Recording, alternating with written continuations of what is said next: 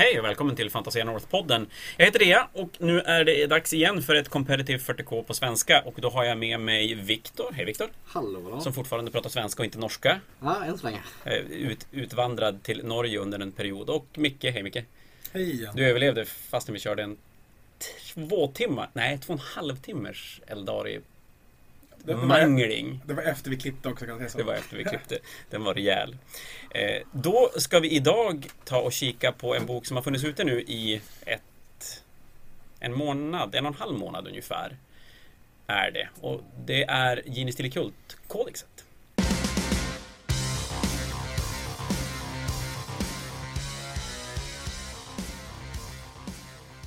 Så, därför har vi Viktor med oss.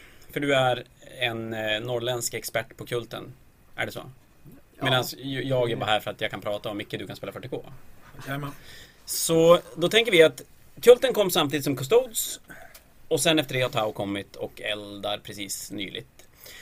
Och vi kommer inte att göra en traditionell Codex Review av Kultboken för att ni har säkert lyssnat på den och, och till, kanske till och med läst den eller spelat med den i massor utan vi tänker kolla lite mer på hur Kulten spelar.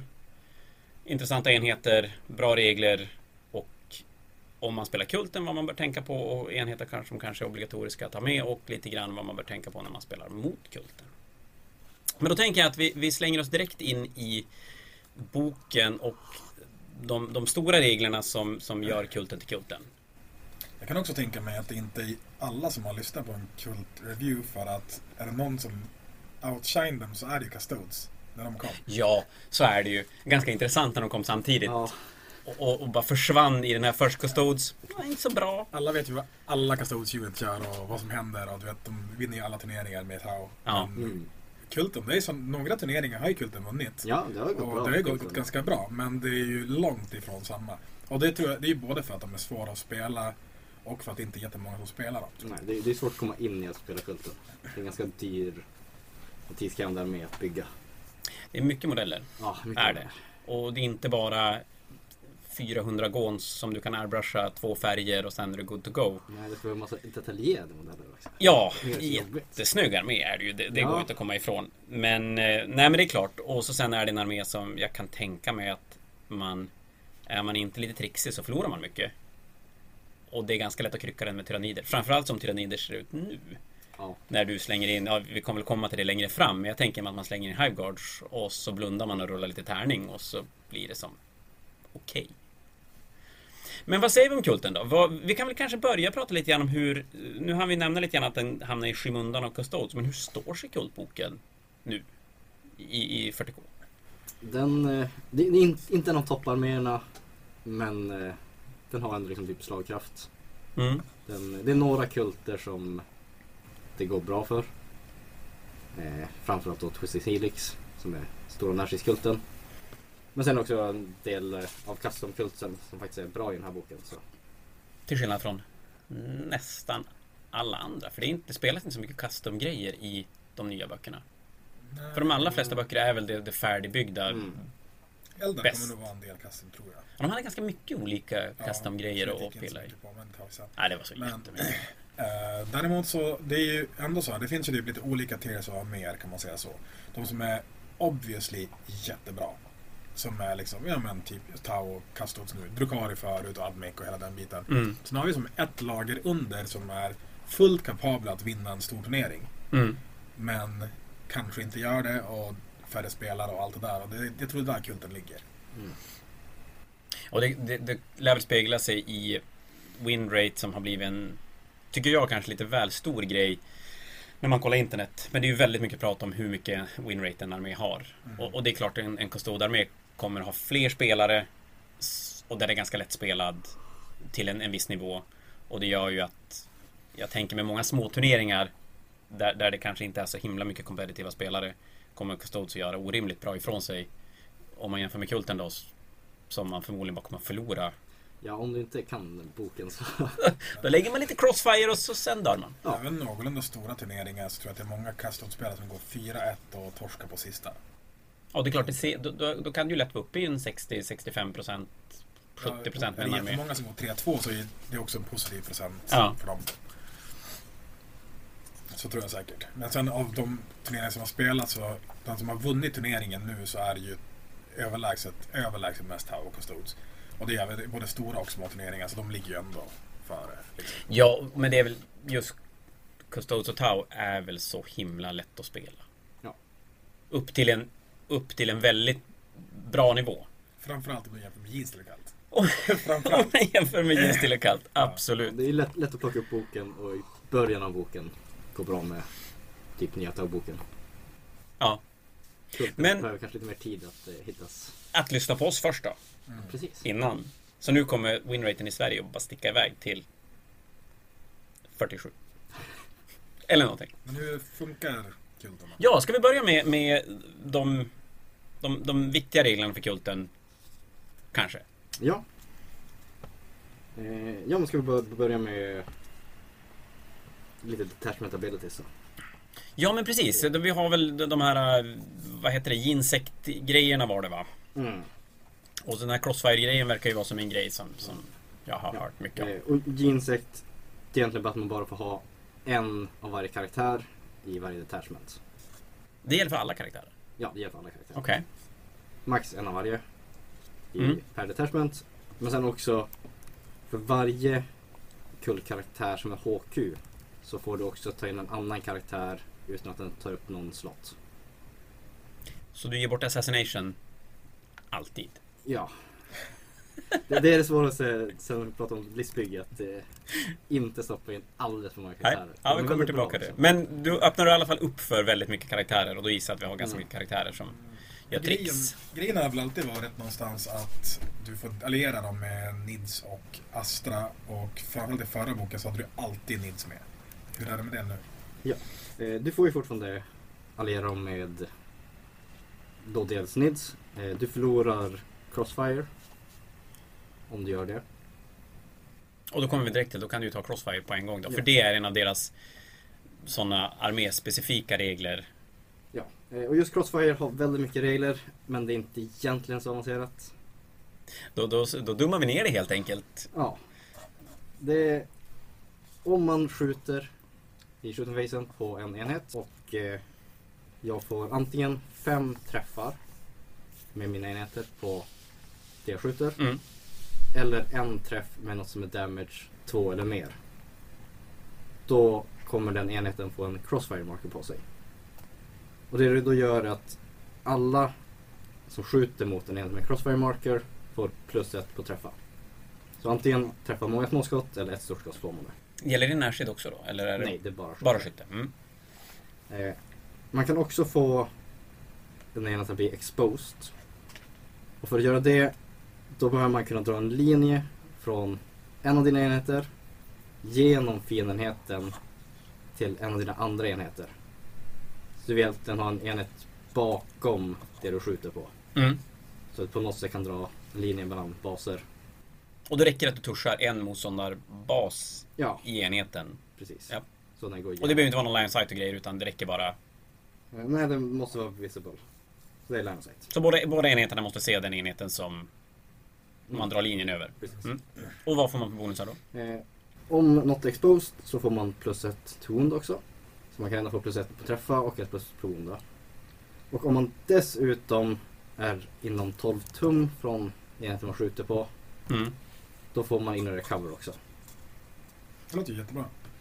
Tycker jag. Ignorera cover då, då, då ignorerar man armor save. En light cover. är det. Ja, Mm. Man får inga benefits av cover. Ja, varken light eller dance. Så du kan skjuta genom skogar liksom. Precis. Utan att... ja så då får man ingen minus to hit på, Nej. på när man skjuter genom skogar. Det är ju ganska intressant. Ja, Så det blir typ att helt plötsligt så skjuter kult som normala människor skjuter. ja Får tre plus. det, Och så det är ganska stor Ja, skillnad. plus devon är ju sjukt bra också. Ja, det, det gör ju mer än Det plus ja, to hit. Men det, å andra sidan är det ju lättare att kanske få plus to hit. Ja, Crossfire måste vara ganska lätt att få in. Ja, Medan, medans båda är ju jättebra. Men den andra måste vara svårare. Den andra blir ju klart mycket trixigare och lättare för Mm. motståndaren att på något sätt hindra genom att att stå i cover, eller stå i skydd. ja. Men där har vi fördelen att vi kan eh, deep tracka och Ja. ja, för det är väl nästa grej med kulten. Det är ju deras deployment. mm. Som är annorlunda, to say the least. Ja, alla kultenheter har ju eh, ambush-regeln. Så man kan antingen sätta upp dem underground. Som då blir att de får komma ner från reserv. Och då får de komma ner antingen 8 tum ifrån fienden istället för 9. Och fortfarande chargea. Så då chargear, då de chargear på en 8 Ja. standard då?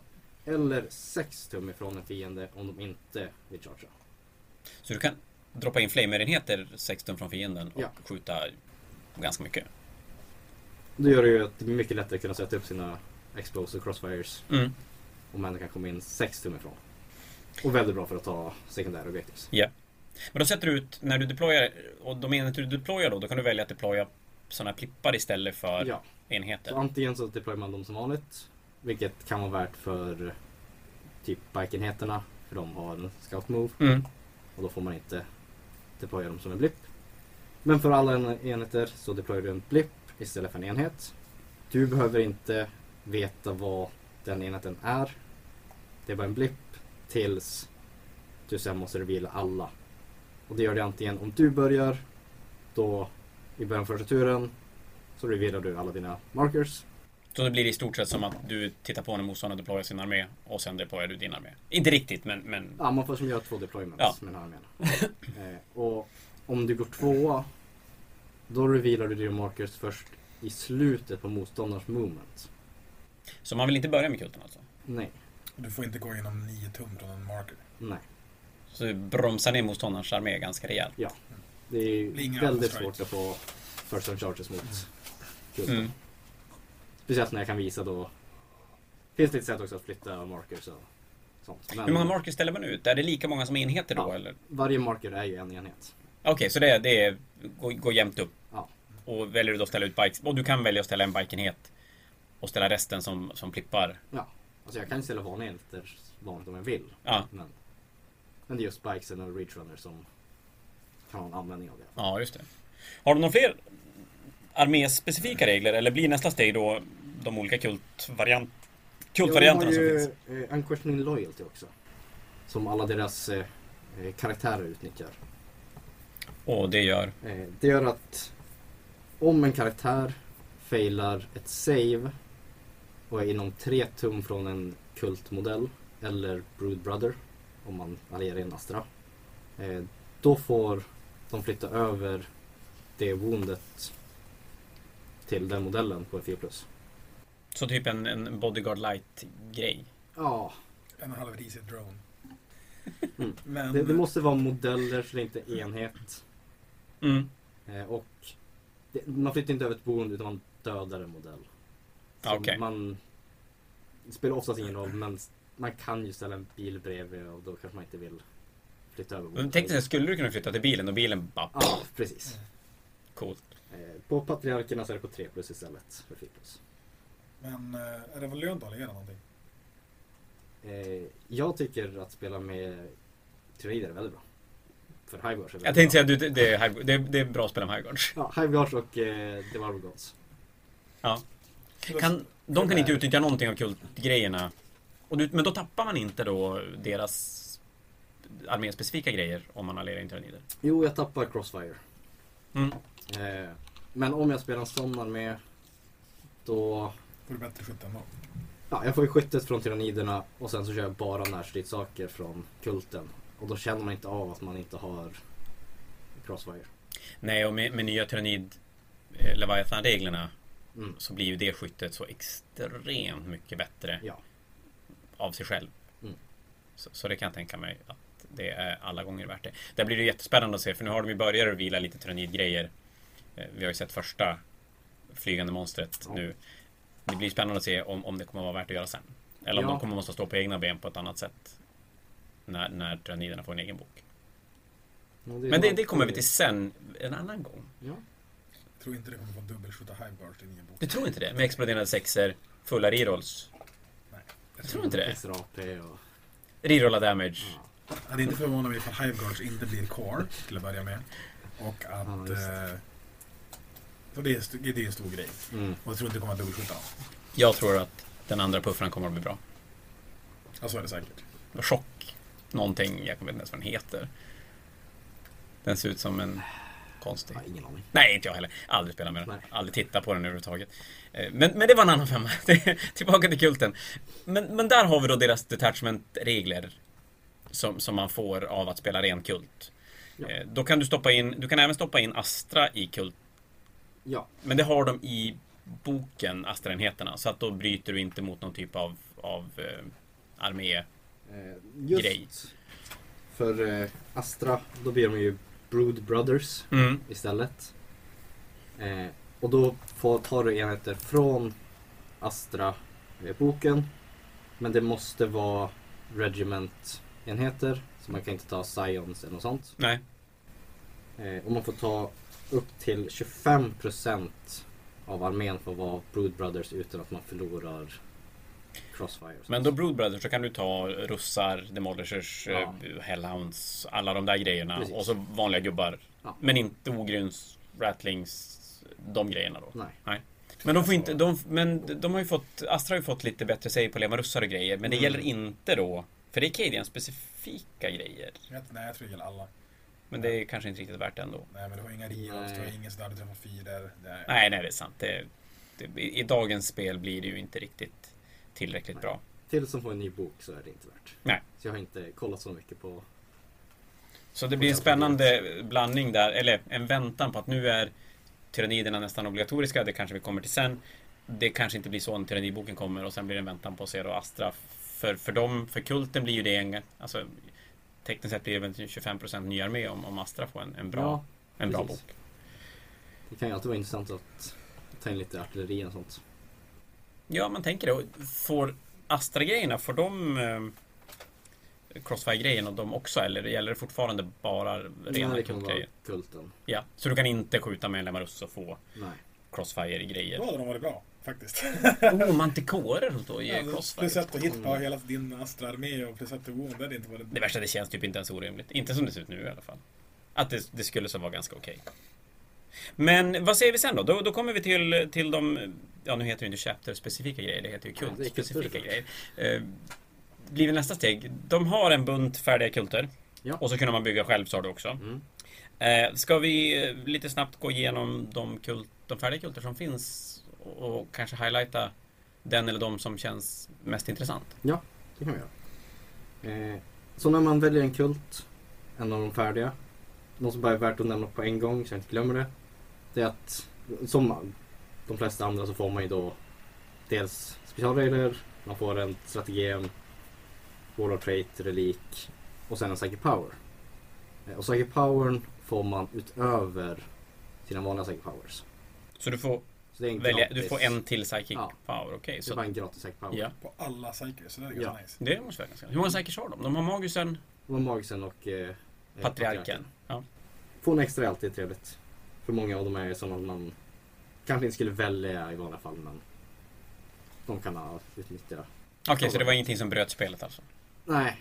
Trist. Eh, ja, vi kan börja med Cult of the Four Armed Emperor. Det var den kulten som spelades mest i förra boken. Vad var det de gjorde då? Kommer du ihåg det? Eh, det de gjorde då var att, eh, jag tror det är ganska samma att de eh, eh, fick slå om eh, charges när de deepstrikade. Mm. Eh, och sen hade de sätt att få tillbaka CP, vilket var jätteviktigt då. Eh, och eh, bra strategem som är gamla väkt som nu är precis som eh, nya dukar i boken så har de också fått samma.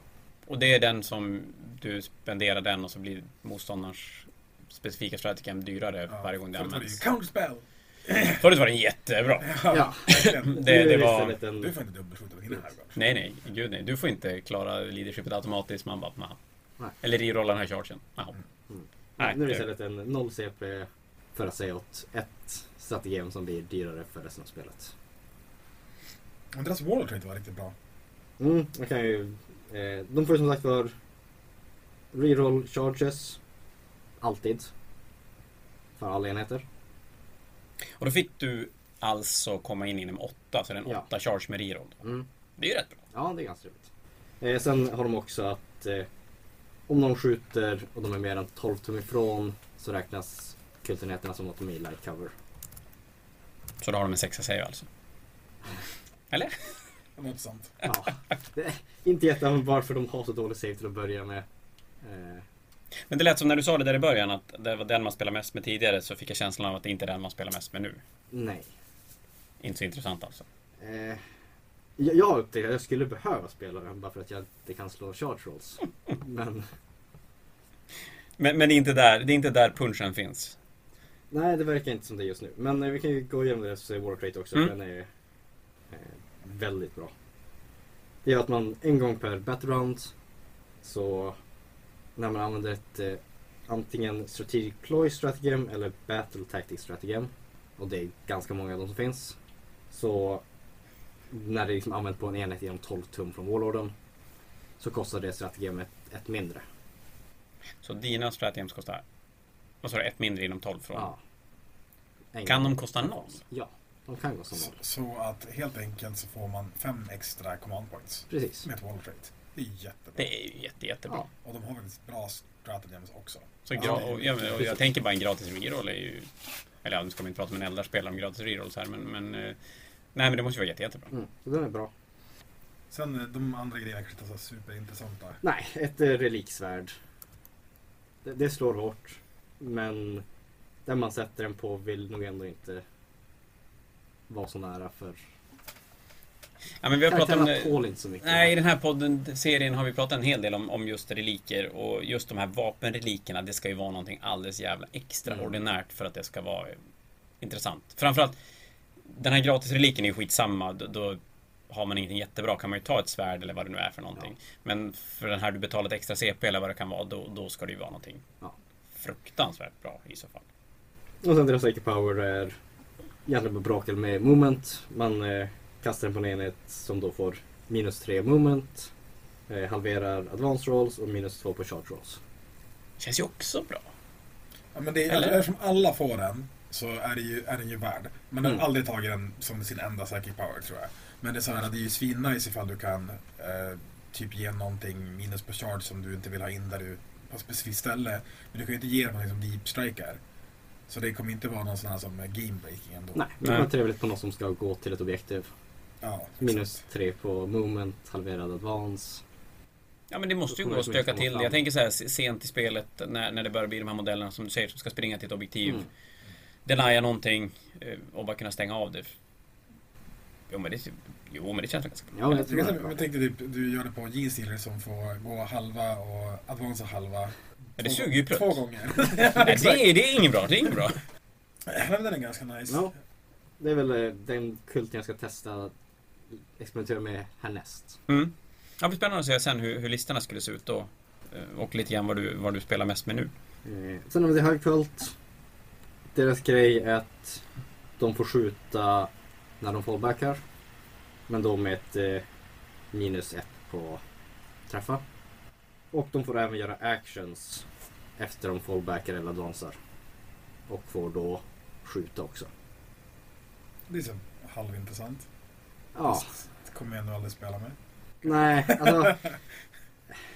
Men alltså det är High många grejer man, känns lite för eh, klena regler för att... man, man kollar på pappret och bara, det låter ju ganska bra. Springa och göra du vet, eh, actions, det är ganska nice. För det kan du ta dig över planhalvor. Du kan Ja, ja. Mm. Sen bara, ja fast du vill ju döda saker. Det är lite så det blir ofta. Ja, det, alltså, det det är klart en enhet hade ju varit nice att kunna göra det med två enheter. Men men att ersätta det mot att rerolla charges känns ju Sen sällan dessutom när du relevant. spelar kult och du får komma ner för sex någonstans och rodda ändå.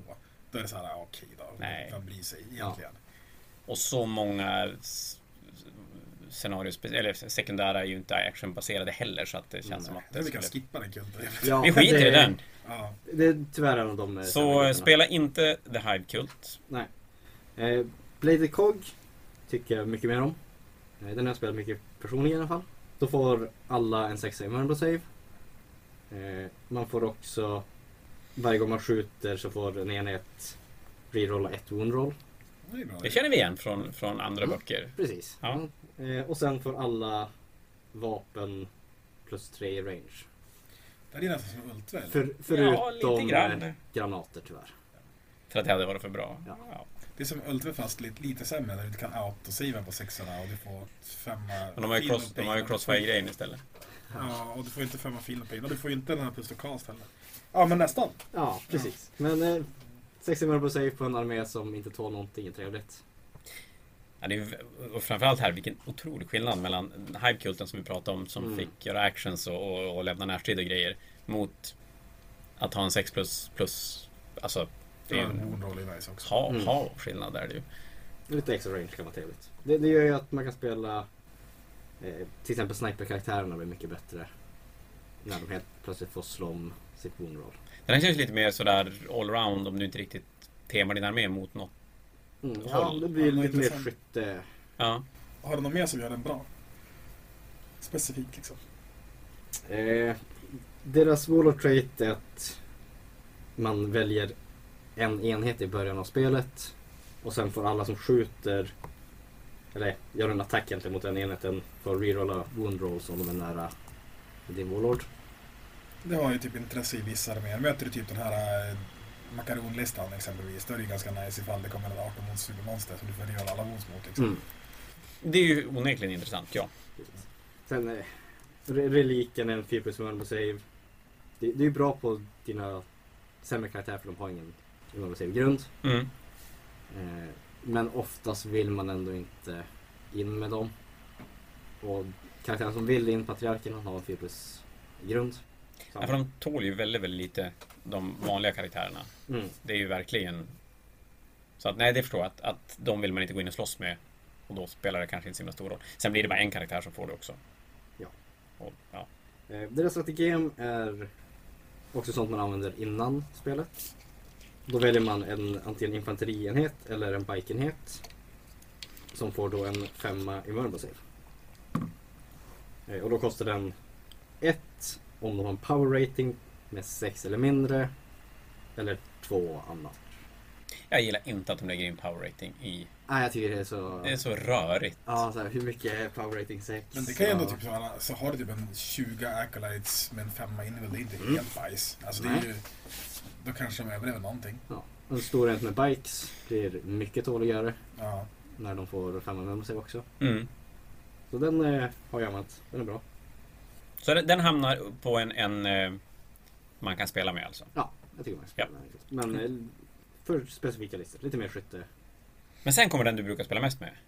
Nej. Fan, Sen jag vi- trodde det var det du sa. Rusted Claw var ju poppis förut ett tag. Ja, men jag Det var tycker väl- jag har hört det. Eller fan var förra boken. Ja, eh, nu är det istället när en attack mot en kultmodell som har AP 1 eller 2 så får de ett sämre AP.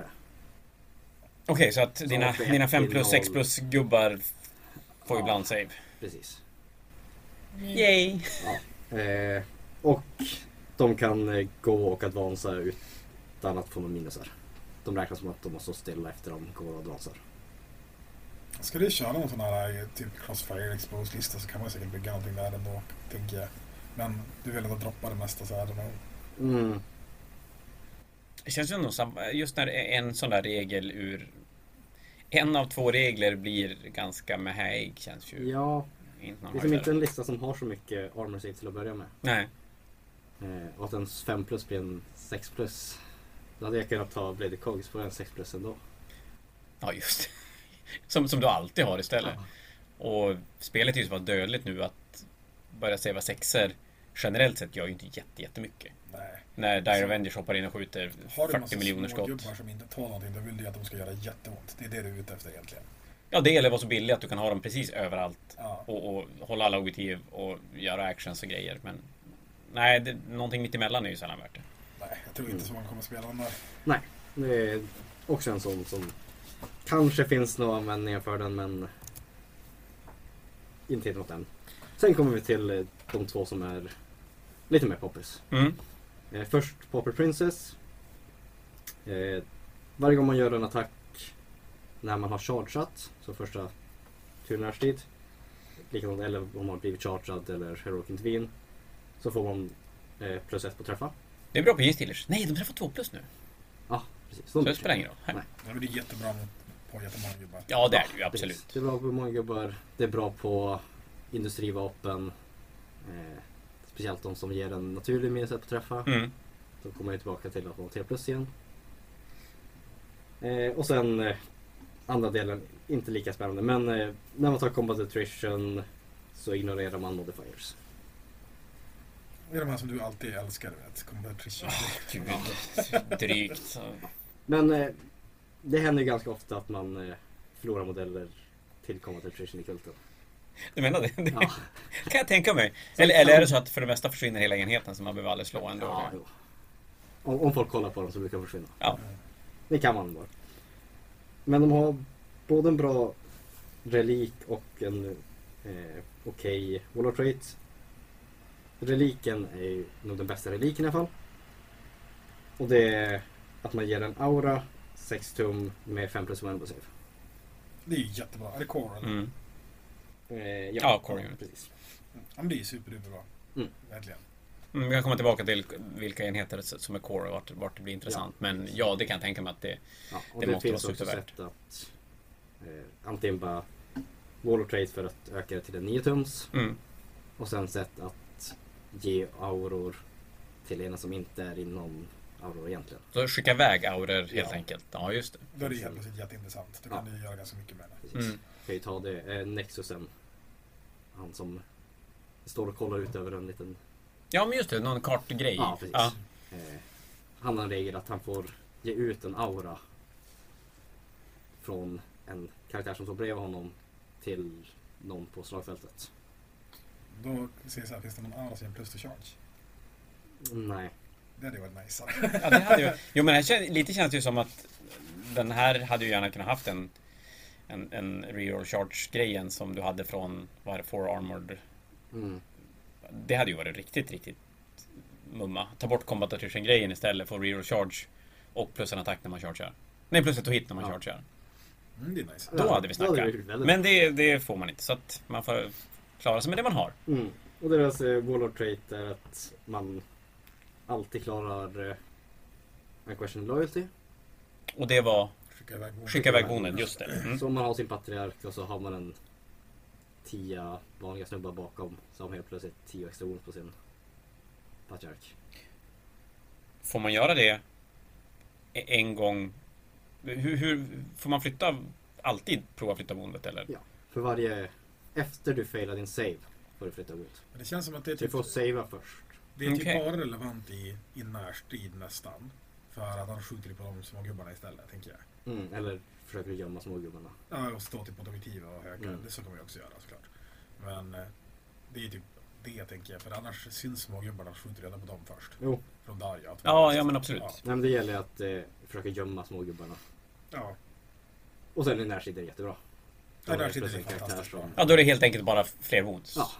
Och att klara det automatiskt, det innebär helt enkelt Det att du har efter du 10 firar extra wounds. är det så? Ja, precis. Så får är det ju nice. Säg att du har en patriark som chargear en, en Imperial Knight. Och du har med två, tio smågubbar bak- Mm. bakåt. Då kommer den inte dö. Mm. Alltså det Nej. är ändå så att du har varit 4 plus inrullad och du har Ja. ja. Så du bara, ja, men jag kör... Du, du onar mig 16 gånger, jag gör 16. Okej, men 8 gick igenom. Det är den 8 smakar. Ja. Det är så det blir. Mm. Och det är klart, patriarken slår ju så pass hårt att får den svinga två gånger mot någonting då, då, då dör mycket saker. Mm. Eh, Och sen också med den reliken så får man att en question loyalty blir 6 tum istället för 3 tum. Så det är lättare att ta fler gubbar. Mm.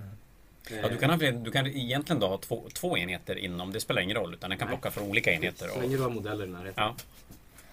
Och sen också att eh, eh, core-enheten inom 6 tum får använda dens eh, Warlordens leadership.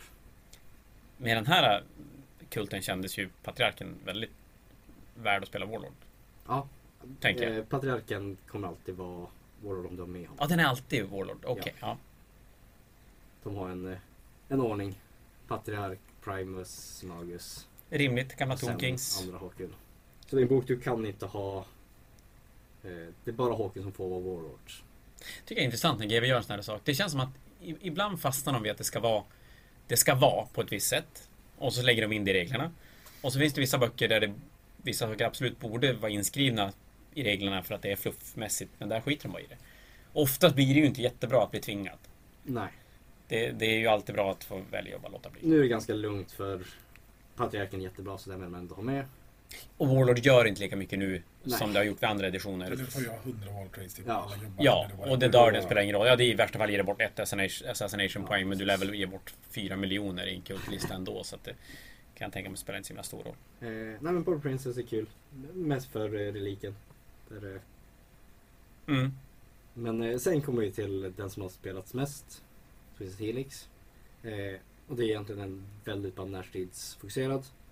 Man får plus ett styrka, plus ett movement och en eh, mini transhuman där ettor och tvåor alltid failar. Så helt plötsligt slänger de in tre bonusar. Ja, här på tre. Och tre är ganska bra. Mm. Plus ett styrka på Gene Stealers och sånt är helt plötsligt jättebra. Jätte, Styrka jätte. fem är trevligt. Ja. Eh, Plus ett move. Återigen väldigt relevanta på just Gene Stealers. Och det gäller även bikes och grejer då? Ja, ja, hela armén. Så de blir toksnabba? Ja. De är snabba till att börja med. Ja, jo. Och sen eh, alltid trevligt med att det inte kan vara på ett och två år. Ja, för du sitter inte på mycket Toughness 5 rakt igenom listan. Nej, det är mycket Trans 4 och 3. Så. Det var så intressant hur de, hur de tänker när de, när de gör två regler på alla. Mm. Och så sen på den sista, eller ja, det- ja, det var den sista, slänger de in tre regler. Som att de... Just det, vi hade ju den här grejen också. Ja, fan, precis. den ska ju med någonstans. Eh, Nu tycker jag att de flesta andra känns som att de hade kunnat förtjänat en till... En till grej på sig. Mm. Eh, sen deras eh, Warlord trait är att man får plus ett damage på sin Warlord. Det är också jättebra. Eh, Samma sak där. Patriarken blir ju... Mm. Det här är en eh, Pushing. som bygger väldigt hårda patriarker. Och styrka 6... Nej, styrka... Jo, styrka... Nej, det blir styrka Mm. 7 på den då. Till och med. Ja.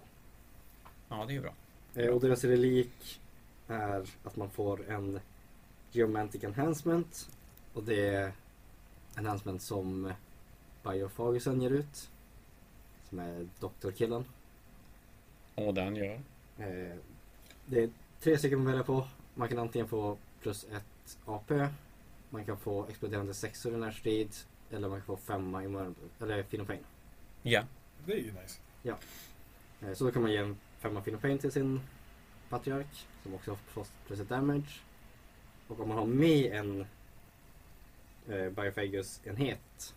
Om man faktiskt har med modellen så får man två stycken till Warlorden. Ja, även om det fanns spännande saker i de andra så ja, den här kändes väl kanske mest... Eller kändes bäst. Ja, alltså det den, den har bara så bra kultregler. Så det är den här Pauper Prince som är... Båda de kändes ju jättebra. Ja, de, de mest intressanta. Det precis. beror på hur du vill spela spelet känner jag. Mm. Den andra som känns bra, det där Cult of the Four Emperor, det är typ ifall du har en jättebra plan med vad du ska göra med dina command points och sådär, då känns de också bra tycker jag. Mm. Mm. Och få komma ner och köra reroll och charges och grejer. Precis. Man sparar liksom extra CP av det också. Man slipper... Ja, just det. Slippa massa reroll. Ja, precis. Så den känns ju också bra. Mm. Beroende på vad du vill göra med det. Precis. Men sen har ju också eh, de sina egna kulter. Om man bygger själv. Och de här funkar lite annorlunda mot alla andra, visst är det så? Ja, de här är jätteroligt sätt. Här eh, har varje vad ska jag säga, varje regel har en poängkostnad. Mellan Sen- ett och Mellan 1 och 4. fyra, ja. Och sen eh, får man kombinera hur man vill upp till 4 poäng. Så man kan ta fyra stycken ettor. Eller en trea och en etta eller två tvåor. Jag såg någon som spelade en, en sån där custom kult i någon, Men jag tror typ ändå att de som finns är bättre. Ja, alltså både och. De har gjort lite konstiga eh, poäng. Som väldigt många av ettorna är de bästa.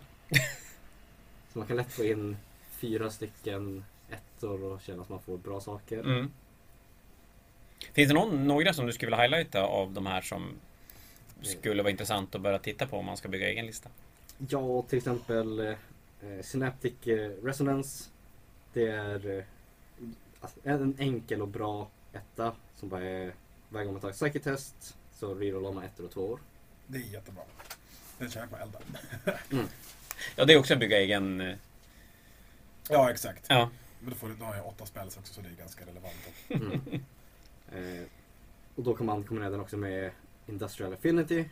Så att när man gör en attack med ett Industrial Weapon så ignorerar man any or all hit rolls. Ballistic skill, weapon skill modifiers. Kan du få plus ett och hitta närstrid på något sätt? Eh, du kan ju få plus ett eh, till exempel med Crossfire. För skytte. Ja, jo, det, det är sant i och för sig. Det är intressant. Mm. Så att då ignorerar du den också. Nej, Ja, då får du välja. Så du du får får plus välja. ett istället Ja, okej, du kan välja... Ja, just det. i Ja, teorin var det plus två till hit kan man säga på gubben. Ja, precis, ja. Precis. Du kan ignorera cover och Mm. All, alla negativa effekter. Och behålla alla positiva. Precis. Och industrial vapen är egentligen alla specialvapen i boken.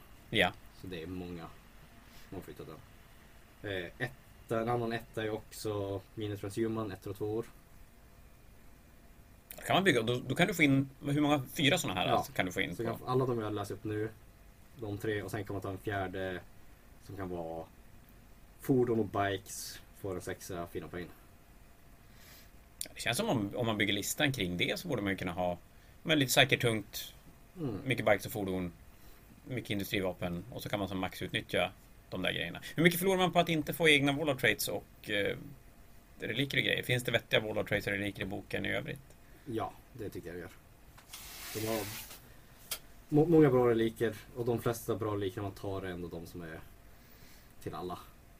Eh, Det är alltid tråkigt att man förlorar en psychic power. Mm. Ja, framförallt när det var en psychic power som du fick i, Precis, den som som gratis. utöver. Ja. Eh, Men eh, om man har en plan så tycker jag det funkar bra att bygga kulter. Det är bara varje gång jag spelar något som inte är Twisted Helix saknar jag lite Twisted Helix. Och Twisted Helix var den, ja just det, var den sista med, Ja. med plus ett styrka. Ja, det är Plus ett klart, plus ett styrka är ju... Ja, det gör så mycket. Det, det är bra. Och om du bygger en lista, det, det låter lite grann som att vi är inne på att det kommer att bli listor som som är rätt rörliga och vill vara lite överallt. Och det är klart, plus ett moment då är ju, är ju jättebra. Alltså jag känner mig lite skadad här. Jag, jag och Viktor har möts flera gånger i så här finalsammanhang och sånt. Och det enda jag tänker på hur ska jag spöa han nu med mina eldar till? Men eh, om vi ska, vi tittar lite grann på stratagems som de har. Eh, Jag tänker vi går inte igenom alla stratagems utan vi plockar ut de som känns intressanta för oftast. Med tanke på att boken har funnits ute så länge nu så lär det ju vara en del som man har insett är bara prutt. Mm. De har jätte, jättemånga stratagems och de har jätte, Ja. jättemånga som är så här situationellt jättebra. Precis. Det, det, är, det är en svår bok att plocka ut sådana som bara är Jaha. jättebra för de har så mycket. Men de är bara väldigt specifika, väldigt många av dem. Så de är bra i ett ställe. Men du de vad är jättebra istället. Då väntar vi med dem. Vi snackar lite, då kan vi gå in på lite Psychic Powers först. Och så sen tänker jag att då kollar vi lite stratagems när vi pratar lister Mm. sen. För då kan man prata om vilka enheter som kanske blir intressant på grund av stratagems till exempel. Ja, det och proficient planning behöver vi ta också. Ja, det är faktiskt intressant. Absolut. Det vet jag inte vad det är för någonting. Det blir bra. Då börjar vi med det. Ja men det är Ja. när man kan uppgradera enheter. Som man kan göra med alla nya böcker nu. Ja, precis. Och till skillnad från det vi snackade om sist med extra bilder så de här är faktiskt sjukt bra poängsatta också. De är inte jättedyra och det är stora enheter vi gör det på också så då blir det som inte att man tycker att det är jobbigt. Nej. Det blir inte is- välja mellan en, ny, en till modell eller en upgrade på enheten som det blir med eldar. Jo men det Till mångt och att mycket. modeller är ganska kukiga. Ja, ja, ja men jag tänkte att det... Jo men precis men... men eh, Ja, ja men all, är... alla modeller blir jättemycket bättre av dem. Det är inte Ja. bara en kille som blir bra. Nej. Mm. Och då har några som är så här typ att Trap Sprung och Lying in the Wait och sådana som är jätte, jätte, jättebra. Men de är mellan 10 och 20 poäng ja. styck. Och vilka enheter får du... Upp, är det lite olika vilka enheter du får uppgradera då? Ja, de du känner för. Det är några som har core, det är några som är specifika till den enheten. Typ. Ja, ja men då, då Men vill vi många- höra lite De, grann. de flesta är bara generella. Men det är några som är jätte, jättebra. Eh, Ja, vi kan börja med Line of Weight. Den är först och den är också som man alltid har med. På en infanterienhet eh, och när man sätter upp dem som reinforcement, då underground, så får de komma upp tre tum ifrån en fiende. Och de får ju såklart inte charge den turen, men tre tum ifrån. Men då gissar jag att man kan ha lite eldkastare och grejer. Och, Ja, eller bara bästa är egentligen sätter på en femma hybrider, snor ett primary. ja, det är ju sant. Ja, det är sno ett primary och använd eh, retrieve data samtidigt. Precis. Och så Ja. helt plötsligt vänd spelet liksom. Det är sånt som eh, motståndaren verkligen måste tänka på. Och då betalar du 20 poäng för den. Det Istället känns ju du får rimligt. bara ha en Ja. av varje sån här. Ja, du får bara en av varje. Men du får ha hur många du vill. Ja. Mm.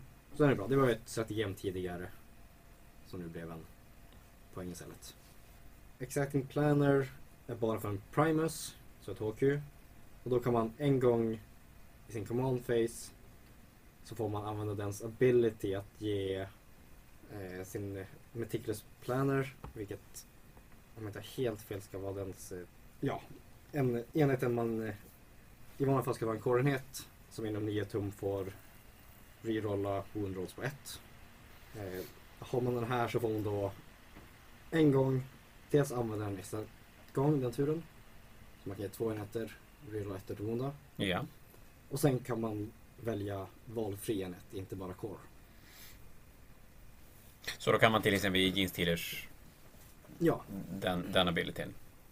precis. Det är Gene Stealers och Ridge Runners som utnyttjar det mest. Ja.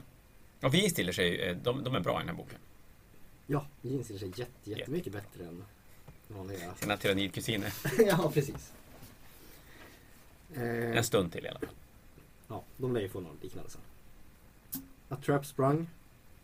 När man sätter upp eh, via Underground så får man slå tre tärningar när man chargear, discarda lägsta. Det är jätte, jättebra. Ja, och här har man då möjligheten att om man inte spelar kulten som ger reroll charge så har man ändå det här på en enhet som man...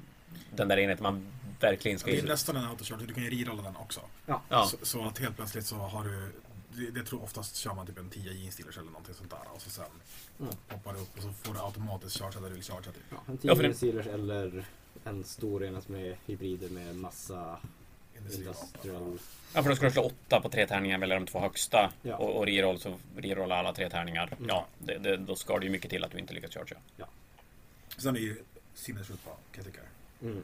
Och den kostar 15 poäng på en hel enhet. Ja, men det påminner väl lite grann om den här Dark Reaper-grejen som man fick skjuta indirekt eller vad det nu var. Nej usch.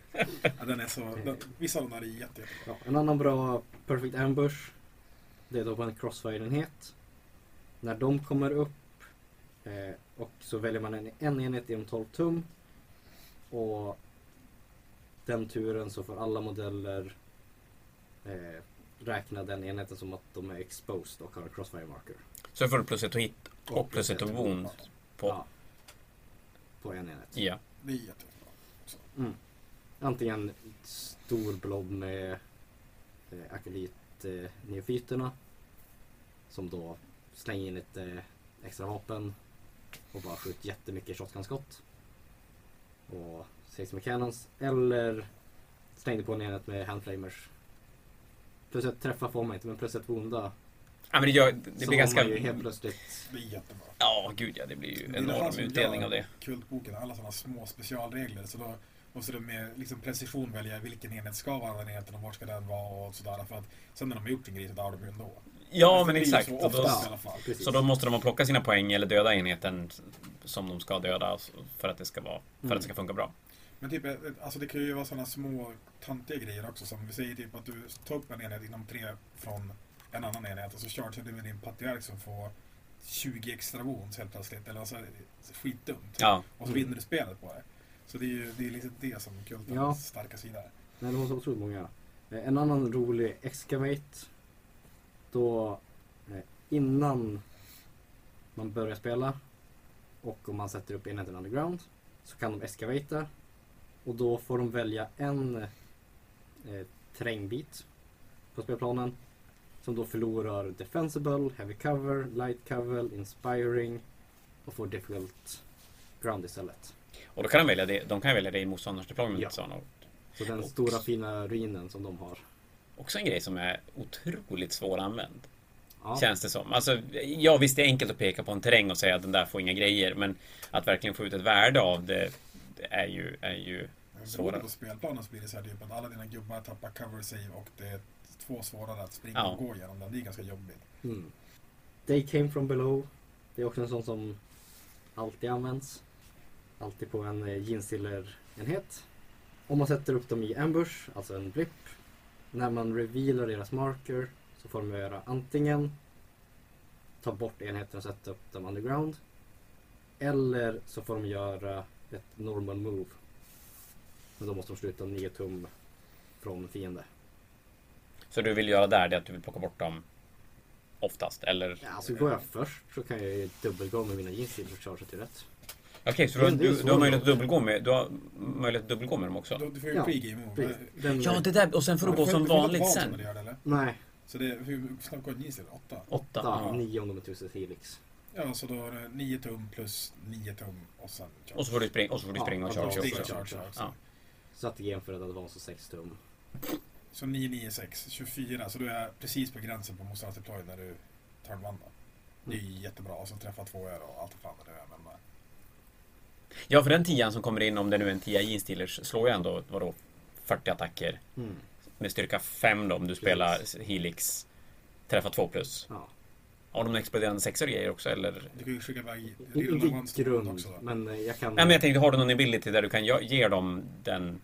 eh, kan ge... Eh, jag tror det finns... Jag kan i alla fall ge extra attack med Psychic Power. Ja, men det blir ju, alltså ja. Då, så då är det 5 attacker, så är det 50 Mm. attacker med, med träffa 2 plus cirka 5. Minus 3, 3 AP nu. Ja, de har ju blivit bättre. De har ju som... Ja, de har ju som Så uppat sina re- rending Och clause. så vill du skicka iväg minus ett, eller Real Ones to Wound också till dem. Med eh, din uh, Så, jag, fick- jag, jag spelade mot Kulten och så fick jag, mina Hiveguards fick en first turn chargeande jeanstillenhet i sig och det fanns ju inga Hiveguards kvar. Nej. Det bara sa ju bara fuff så var de borta. Eh, och det roliga med den också, om vi går in lite så här på statgame också. Mm. Det finns ett strategem som man får använda antingen slutet på sin moment eller i slutet eh, på ja, närstridsfasen. Efter liksom consolidations. Om du har en enhet då som är 6 tum ifrån närmsta fiende så kan du ta bort dem och sätta upp dem underground. Så om, de inte är nära några fiender så, Så kan du bara ta kan, bort dem. du kan då chargea, döda någonting Och sen och sen ta bort dem. och så kan jag deepstrika turen efter. Ja, det är bra. Ja men det är alla de här tricksen igen. Man blir bara, Ja. får ont i huvudet av det liksom. Och, och, och för det är klart det är en sak som är, är bra att veta som motståndare också när man spelar mot dem att Ja men först och främst att de är så snabba och kan ta sig in Mm. väldigt tidigt men även det då att du gärna vill säkra upp enheter med andra enheter runt omkring för Jo. att inte de ska försvinna utan du faktiskt ska få döda dem då efter de har dödat din Mm. enhet. Det är så fantastiskt att kunna ta ja, men, stå en ensam enhet som ska ta engage och sånt på ett hörn. Bara skjuta iväg Så dem. man, då ställer jag upp mina jeans där, dödar dem och så tar jag tillbaka dem. Så har jag tio jeans som kommer nästa tur istället. ja, det är ju jätte, alltså det låter ju jätteroligt. Ja. Men de spelar ju det svåraste spelet av 42. De här enheterna som kanske inte gör mest skada, även om nu Jeans Steelers gör jättemycket skada. Men jag tänker mig att vi kommer komma till en del enheter som inte gör li- riktigt lika mycket skada. Och som inte tål någonting. Nej, problemet är att enheten gör skada men sen dör de. Ja. Så att du ska hamna rätt och du, som du sa Micke, att du måste få value av allting hela tiden. Om det är en rodd eller om det är en, Mm. en, en gage eller om det är en, en död enhet. Det är det eller trada upp. Det är de två Ja. valen du har. Alltså du, du tar poäng från motståndaren, speciellt när vi kör 20-0. Eh, men, eller att du byter upp dig. Vi säger typ att en jeanstillenhet på, vad kostar 10 jeansstillers? 150 180. poäng. 140. Ja, 140. men 14 poäng Ja, styck. 14 poäng. Herrejösses. Ja, och dödar du då, säger vi, bara en 10 Scorpions dödar vi i förbifarten och liksom pussar på dem. Då har de ändå fått, ja, men då får de ju 35 poäng upp på sig själv. Så även om de dör så har de bytt upp sig. Ja. Eller om du dödar en eh, Redemptor eller vad du gör. Och det är klart, spelar du då rätt då, att du kan göra det och sen rädda upp dem genom att flytta på dem eller plocka bort dem från brädet. Ja, då är det helt plötsligt möjligt att få det dubbla värdet av dem. Ja, då är det, det är helt sinnessjukt. Mm. Eh, sista som är värd att nämna är Our Time Is Nigh. Första gången den enheten eh, slåss så får de plus en attack. Kan man, ge, man kan inte ge dubbla sådana här till en enhet. Sa vi det eller sa vi inte det? Eh, man kan inte dubbla. Nej. De får bara en. Nej, Så det är ju, men alla de där är ju jättebra. Ja, vilken otrolig skillnad mot Eldar-boken vi pratade om senast. Ja, när det verkligen. kommer till de här grejerna. Att, Mm. men, men då å andra sidan så är Eldar, deras motsvarigheten till Kult, Craftworld-grejerna kändes ju rakt igenom ganska mycket hetare. Ja, Men- men, de är, det, är lite, det som är samma istället det är typ att stratagemsen som Eldar har ju också såna här, ja men Kanske inte super powerful med situationer, de har många, många, många fler. Mm. Men mina enheter, alltså om man säger bara stats mot stats, är ju sjukt mycket bättre än de här. Ja. Förutom Mm. Steelers kanske. Men. Ja, för, ja, det är klart. Gene Steelers, det kommer vi komma till sen att den enheten är ju...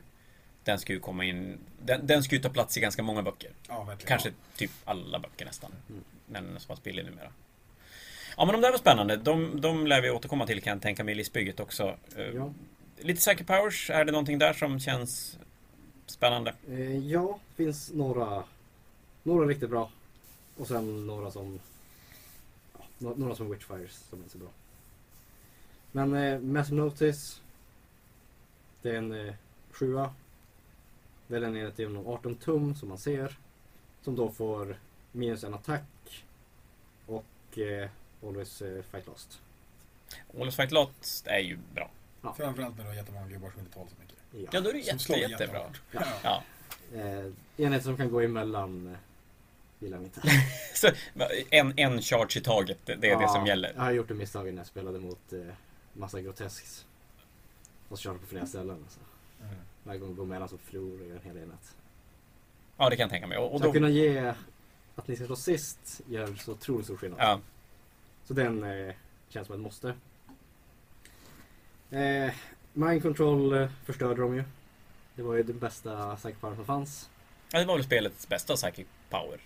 Just, Typ. just när det kom var det det. Ja, men när du kunde ta över riddare och grejer Ja. och, och bara döda motståndararmén. Skjuta med en eh, Knight var trevligt. Man var hela tiden tvungen att stå i närstrid med sig själv för att Ja. inte det skulle hända. Eh, men nu har de ändrat den helt. Så nu är det istället på en enhet som då får minus ett på träffa. Eh, och kan också få eh, minus ett leadership. Och ett sämre på combat attrition. Nej. Ja, den blev ganska Mm. tråkig. Nu är vi tillbaka till de jävla combat attrition. Ja. Men någon kanske blir bra så. Helt plötsligt har man jättebra regler. Kanske. Eh, Psychic Stimulus är en blessing som gör att man får skjuta eller chargea när man advancear eller fallbackar. Jätte, jättebra. Mm.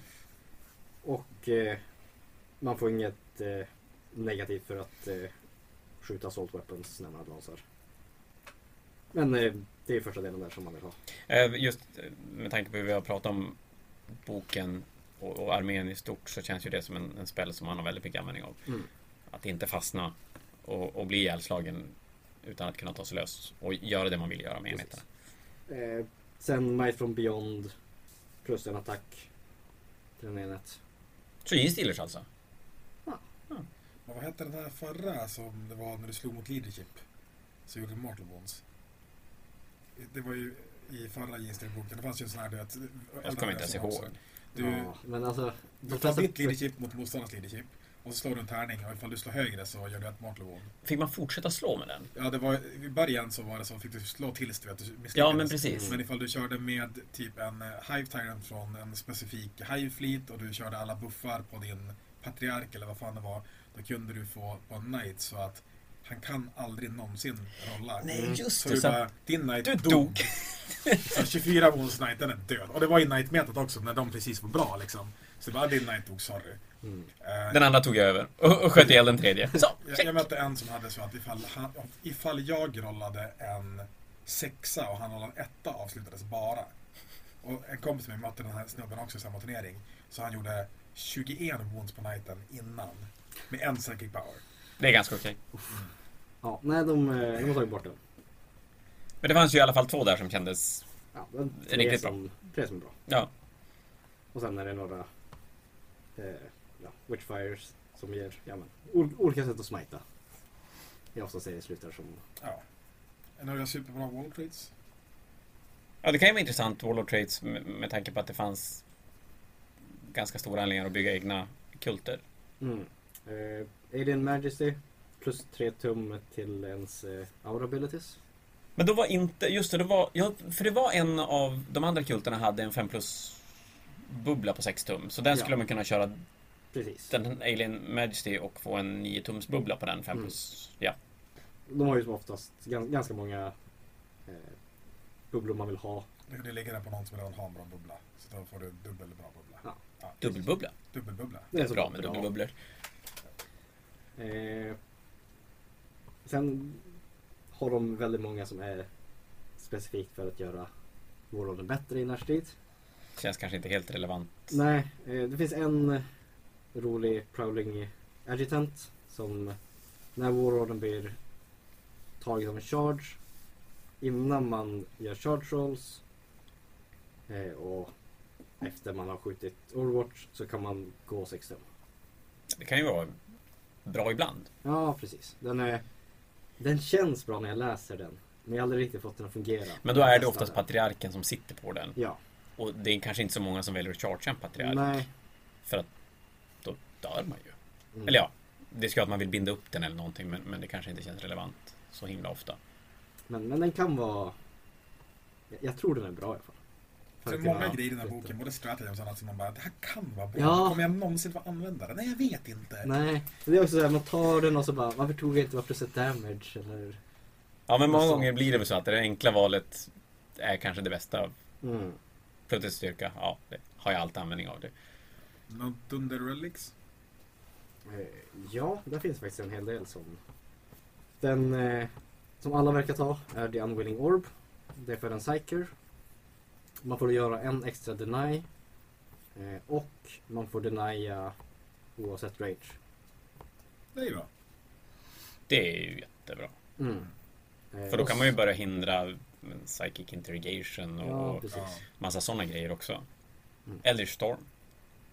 Eh, Det är, ja, det är säkert action, så Ja. du kan ju få bort ett mål. Ja. ja så är det ju. eh, och man får också Eller två. plus Exakt. ett eh, på Psychic Powers för eh, Maledictions och eh, Witchfires. Ja, det kändes ju lite intressant. Så den, den är bra. Alltså kunna denia saker som står och buffar i början. Det är som alltid trevligt. Ja, och då utgår jag från att de har möjligheten att köpa extra Wall of Trade och extra relik, Ja, precis som alla andra nya arméer. Ja. För Wall of Trade så kan man få två extra för ett CP. ja, just det. Ja. Eh, sen finns det en hel del som är specifika för karaktärer. Men de är också ganska bra. Så vi har för eh, Nexusen som jag nämnde tidigare. Den som kunde skicka över eh, auror Mm. och andra sådana regler. Eh, den modellen har också eh, Strategic Coordination heter den. Som helt enkelt är att i början av command-phasen så väljer man en fiendenhet. Den enheten får en crossfire marker. Och det verkar ju vara en grej, Ja, faktiskt. Så det kan vara bra. Man får då använda sin strategic coordination en extra gång om man har reliken. Men sen också när man spenderar command points för strategems så tar man en tärning på 5 plus får man tillbaka ett command points. Och spelar man den i kulten som gör att alla strategies blir billigare. Ja, då har man ju jättemycket. Hur mycket som De har helst. för mycket command points helt plötsligt. Kan man någonsin ha för mycket command points? Jag tycker alltid att de slutar runda ett. Ja, de brukar ha slut. Det går så otroligt fort. Jo, då helt plötsligt har man tar saker inte slut. Jag är väldigt förtjust i Wormtooth Rounds. Det är till Kellemorphen, han med tre pistoler. Han har också blivit mycket bättre. Ja, han har ganska coola regler. Vi ska komma till han sen Ja, kan jag tänka mig. För jag gissar att han är med i, i många listbyggen. Mm. Eh, men det reliken gör att han får ett eh, annat sätt att skjuta på. Så han kan istället för att skjuta sina små pistolskott så får han skjuta Heavy 1-skott med styrka 6 och minus 3, 3 damage. Får han då, även då extra skott om man Ja, träffar? men fortfarande det, extra det är skott. som inbyggt Men i han honom. får inte ignorera lookouts. Sam, inte längre en sniper. Men han kan, Han går in och dödar enheter helt enkelt. ja, han kan skjuta fordon eller sånt. Mm. Så du får, en tre skott med den där och så sen kan du få en extra om man träffar. Ja, Och han träffar två plus. ja Och träffar han alla tre, då får han tre Men det är till. heavy så du har tre eller så. precis. Men Okej, då ja. har man en crossfire marker. Så du tar två Då har man två plus. Ja, så då är det typ du kan döda fem aggressors typ. Eller något sånt. Mm. Alltså tre woundsmodeller, det är lite intressant. Ja, det är ju definitivt. Han kan poppa upp och plocka bort så här backhold, alltså som håller objektiv på hemmaplan och grejer. Och det är 18 tums range. Så han behöver inte... Så han poppar upp någonstans inom 6 tum från någon och så sen skjuter han jättemycket skott. Och så får han gå efter han har skjutit. Inte om du poppar upp. Ja, han får, han får gömma sig efter han har skjutit. Ja, han får gå efter han har skjutit som en specialregel. Ja, även ifall du kommer från deep strike. För det står att du får inte göra normal moves eller alltså efter deep strike oavsett. Jag tror att han får det. I, grund, Ja. i grundreglerna. Men vi läser inte grundregler. Ja, för att det spelar ingen roll ifall det står någonting. Ifall det inte står att en exception får du ändå inte göra det. Ja, even if it arrives as reinforcements. Ah, Okej, ja, men då så. Mm. Då är det ju helt... Jag hatar den boken. Ja. alltså. Bruten! Ja, usch. Nej, för då kan han komma upp och så sänker han en, en enhet som...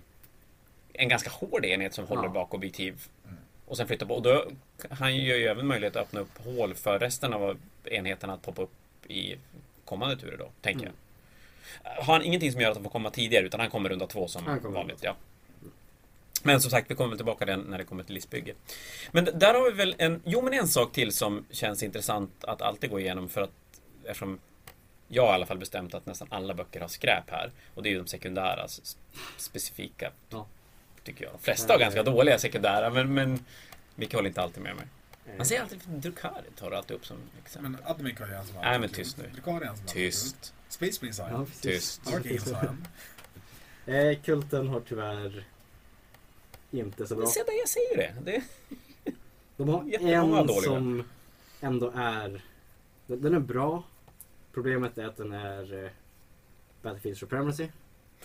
Så där alla andra bra också är. Vad det är Engage. Ja, Ja. Stranglehold och så vidare. Och Engage vill du alltid Engage är väldigt lätt. spela med den här armén, tänker jag. Men eh, det den gör i alla fall är att eh, man får ett poäng för varje sak man klarar. Max fyra poäng. Man har mer modeller i motståndarens deployment zone än vad motståndaren har. Man har mer modeller i sin egen deployment zone än vad motståndaren har. Och man har mer modeller i No Man's Land än vad motståndaren har.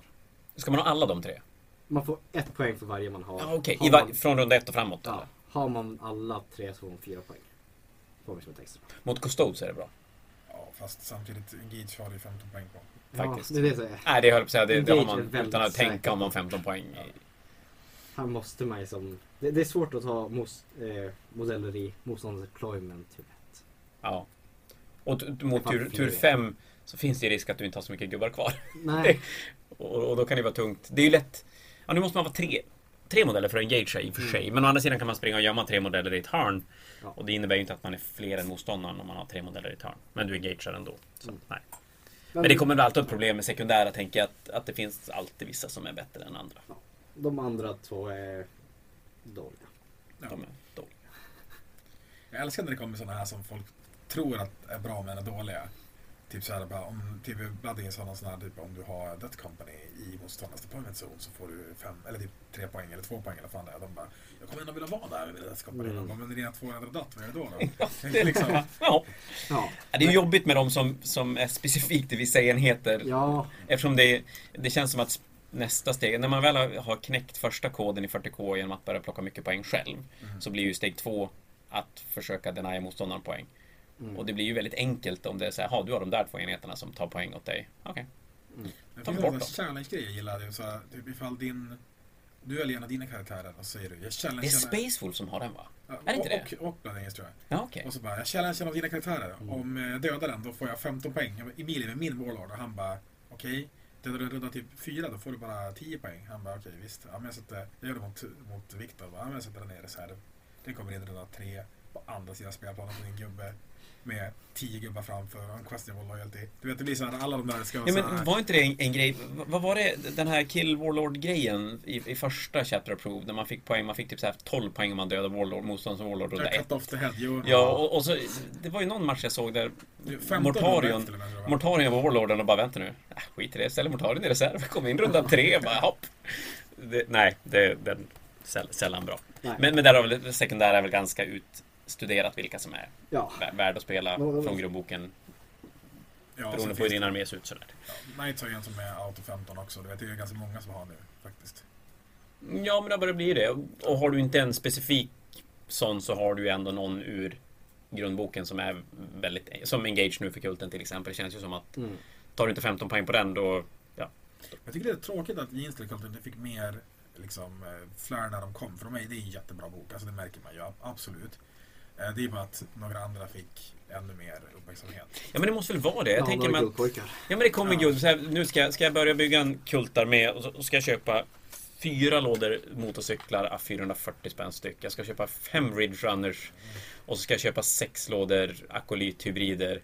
Eller så köper jag tre lådor guldgubbar. Och så är jag färdig. Ja, och så sen är det så här, Tråkigt. för att det som är kul med sådana här böcker det är ju att när de kommer att bli jättemäktiga, som de är förra editionen exempelvis, då förändrar den metat på ett ganska absurt sätt på en gång. Och det gör det lite roligt, eftersom du måste tänka på vad de kan göra, och de kan göra allt. Istället Mm. för när det är Custos, det är såhär, okej, hur mycket AP behöver jag för att döda dem liksom. Det är lite så det blir. Eh, så att det, det ska bli kul att se ifall efter Custodes och uh, Tau Tau. får sin nerf ifall då helt plötsligt det blir de här Harlequin som måste täcka mot. För då, är det, då blir spelet helt, helt annorlunda. Ja, för de här kommer ju inte få någon nerf överhuvudtaget Nej. i, i Nej. kommande, kommande poängförändringar. Så är det ju. Och Jag Men- fattade när den här förra boken kom, då, blev, då är ju GC hur bra som helst. Alltså du vet, precis när boken kom. Och då blev det helt plötsligt som att hur mycket screen ska jag ha med? Hur ska jag liksom få ut det här liksom? Och då var det ändå mindre komplicerat nu än med secondary sånt som det är nu. Då är det kort och grejer. Mm. Men Mm. då blev det ju verkligen så att man var tvungen att tänka på screens. Hur ska de stå? Hur kan jag inte bli trappad av deras screens så de inte får vet, bara jag inte får skjuta på dem nästa runda och allt sånt där liksom. Men, men då är det ju, då tänker jag när man spelar, jag som är ju definitivt sämre än ni på att spela. Det finns ju enheter, jag spelade tyrannider och då finns det de här enheterna man ställer ut en Hiveguard-enhet. Man redan i deployment har en ganska tydlig idé vad man vill göra. Man, man deployar den så sent som möjligt för att kunna så här, targeta ut motståndarens dyra enhet. Och jag menar, det är ju till och med ganska lätt att göra mot Custodes, även om man inte dödar nödvändigtvis jättemycket när man skjuter. Men då blir det ju superstökigt att möta en sån här armé. När du helt plötsligt ska ställa ut dem utan att veta någonting om motståndarens armé Mm. eller vad som står på andra sidan. Och, men även att spela med den där typen av armé. Att du har, det, det låter ju som att du har inte riktigt den där enheten som bara, som bara ska lyfta jättetungt. Nej. Det är eventuellt mm. Steelers som, som, men det känns ju lite som en one trick pony. Och det kostar inte så mycket Ändå. poäng heller. Så det blir ändå en, alltså du, du får ändå en bra trade tror jag. Ja. Ändå. Mm. Och så blir det lite, typ, se att att det var som det var när Space Marines kom. Då skulle du, allt skulle ha tre damage eller två damage och få skott typ. Mm. De här en, enheterna skiter ju i det helt och hållet. Så att skulle det här bli världens bästa bok, det kanske inte Drukarimes, vad heter det, Poison blir världens grej. Ja. För att har du typ nio Venoms med fem med Cablites i, det är ju jättebra mot den här boken exempelvis. För att du dödar dem ju ändå och slår ihjäl en Venom så bryr du dig inte. Ja, det är som, som du säger, det, ska man då börja täcka mot hur det ser ut nu, ja då vill du vara duktig mot Custodes. Mm. Och det känns ju som att vara duktig mot Custodes och vara duktig mot Kult, det är två helt olika saker. Det kan ju nästan inte vara mer olika än, än de två arméerna. Nej. Och, och då blir det ju, då blir det ju rörigt. Ett litet problem för dem dock, så säger jag, trots att de, det är en sjukt bra bok och de får ganska mycket poäng ändå. Men i win-loss som det är över hela världen för den här, Mm. så är Custodes ganska bra mot dem, egentligen. Mm. Tyvärr. Ja. För, äh, nog, inte bara för att de har bra armor och sig och sådana där grejer, men du stänger av reroll så du har dina transhuman och allt det där. Tål mycket, men du har även jättemycket så, småskott med blast och grejer. Ja. Som gör att du rensar bort de här små killarna ganska snabbt. Ja, och en Custode står pall ganska bra mot mycket av det kulten slänger fram. Däremot tror jag att, jag tror faktiskt att de är jävligt bra mot Tau.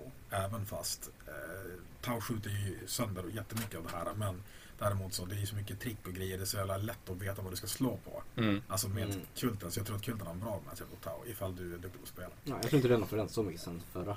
Nej. Men hur ser list... Om, om vi ska ta en sådär... Nu utgår vi från att folk vet ungefär vilka, list, vilka enheter som finns i kultboken. Men, men vad har vi för, för enheter som känns obligatoriska i tabboken, äh, kultboken? Finns det några sådana som typ alltid är med? Eh, ja, kan ju börja med patriarken. Nästan alltid med. Eh, om om man vill slåss så ska man ha en patriark.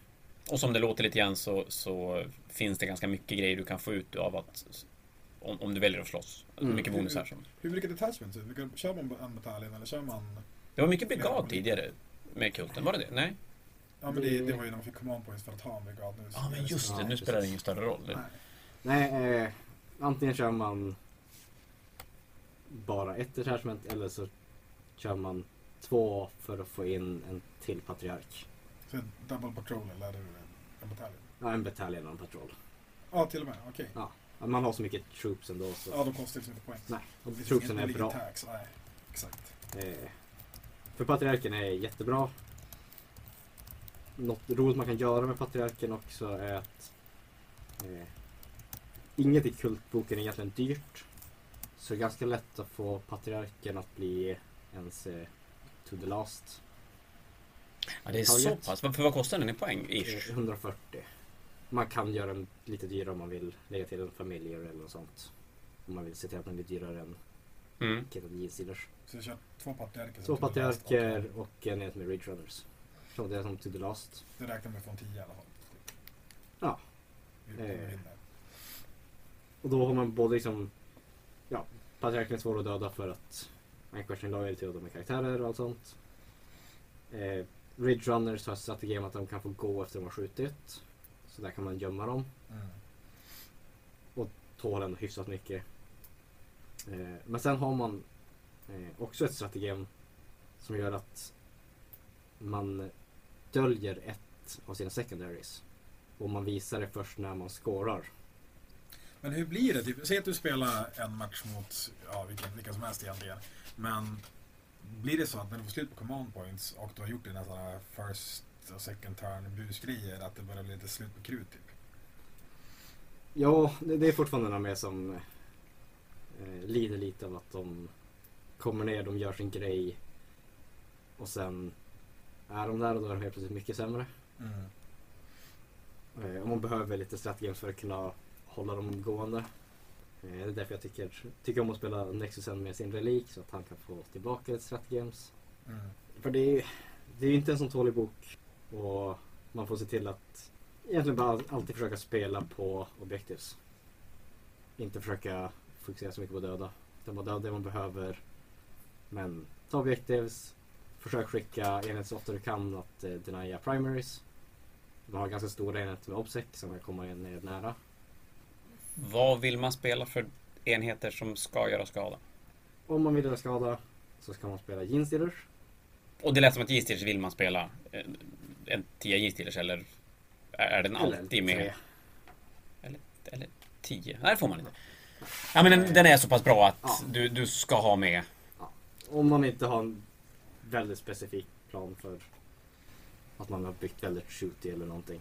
De jag har sett listor på internet så brukar de köra två 10 jeansstillers med två proficient plannings som är deras grej. Typ. Mm. Sen kan man ju säkert köra fler såklart. Ja. Eh, de, de har ju blivit otroligt mycket bättre än sen förra boken. Så. Ja, vi kan väl ta den, för den gör det intressant hur Ja. en enhet kan förändras. De har alltså gått från ett, att ha tre attacker och en extra attack om du är fler än 10 Mm. till att få fyra attacker flat. Japp. De har gått från 5 plus invo save till 4 plus invo save. De har gått från att ha AP minus 1 med minus 4 på 6 to wound Mm. till ett flat minus 3 va? Ja. Och det är det. Träffa tvåa. Träffa två. Och träffa tvåor ja. Ja, den är ju relevant. Ja. Tänker jag. och åt ner poäng. Typ. Och ner Ja. för de kostar 15 poäng i tyrannidboken, tror jag. Om de inte har rört sig någonting nyligt så är det 15 poäng i tyranniderna, tror jag att det är. Så kostar 14 där och är Mm, mer de- än dubbelt så bra. Rörde de inte det i en... Eh, De kan ha tagit det i den för, Jag- jag tror- förra poängförändringen Ja. eventuellt. jag tror det är så att Tyrannidas är en poäng billigare. Ja, men det kanske är så att de Ja. ligger på 13 poäng. Men det är ganska mycket man får för det poänget här. Ja, det, och det är rätt intressant. Den där 10 på 25 mm baser som de fortfarande står på. Det, det är väldigt mycket död i den lilla, lilla footprinten som de gör. Och, och vi har ju pratat footprint tidigare mycket när, när och det har ju varit relevant mot Tau framförallt. Att Ja. armén ska synas så lite det bara går. Mm. Det är relevant mot jättemånga och det- det, är också en grej som är jätte, jättebra med den här boken. Du, har, du kan, om du vill, ha ett jättelitet footprint. För du, sätter, du kan sätta hälften av dina gubbar i reserv till att börja med. Mm. Och sen förut kunde du i alla fall plocka upp enheter, alltså blippar också. Efteråt. Ja, du kan ju göra det med i alla fall en professional planning. Kan du plock- plocka upp. Eh, annars kan du bara flytta runt blippar. Okej. Men så tar bort du, lite av de shenanigans. då, kan- då kan du ju ändå liksom se till att typ ingenting syns runt det jävligt lätt. Ja, för alla så här stora 20 med, med akolythybrider och grejer, de kan vara i himlen. Ja. Eller i tunnlar då. Och så sen har du massa femmer och, och små karaktärer och skit stående. Och, och med tanke på hur borden ser ut nu så, så är det ju inga problem att gömma det. Nej. Alls. Och de gömmer man och karaktärerna är oftast mest bara buffkaraktärer ändå. Mm. Så de syns aldrig under hela spelet.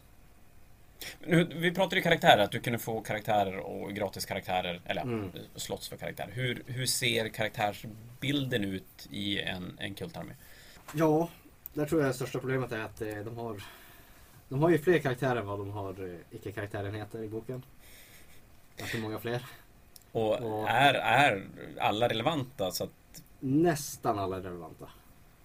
De, de flesta är bra. Det finns några som är bra i vissa listor. mm. Eh, väldigt få som är dåliga. Patriarken lät ju som att den väldigt Ja. ofta kommer att se spel. Jag Patriarken gissar att Magusen, som är din psyche då, kommer att se spel rätt ofta. Ja, eh, det är oftast om man vill ha en billig andra psyker. Mm. Eh, för Patriarken är också en psyker. Ja, just det. Ja. kastar ju också två powers.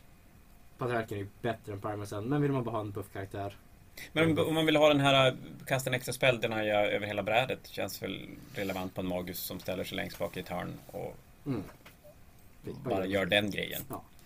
De har också ett eh, roligt strategi att de får kasta en blessing var som helst på slagfältet. Så att det inte behöver vara någon sight eller range. Så kan man ha sin mage som står i ett hörn och så kastar den plus en attack på jeansenheten som kommer ner på andra sidan.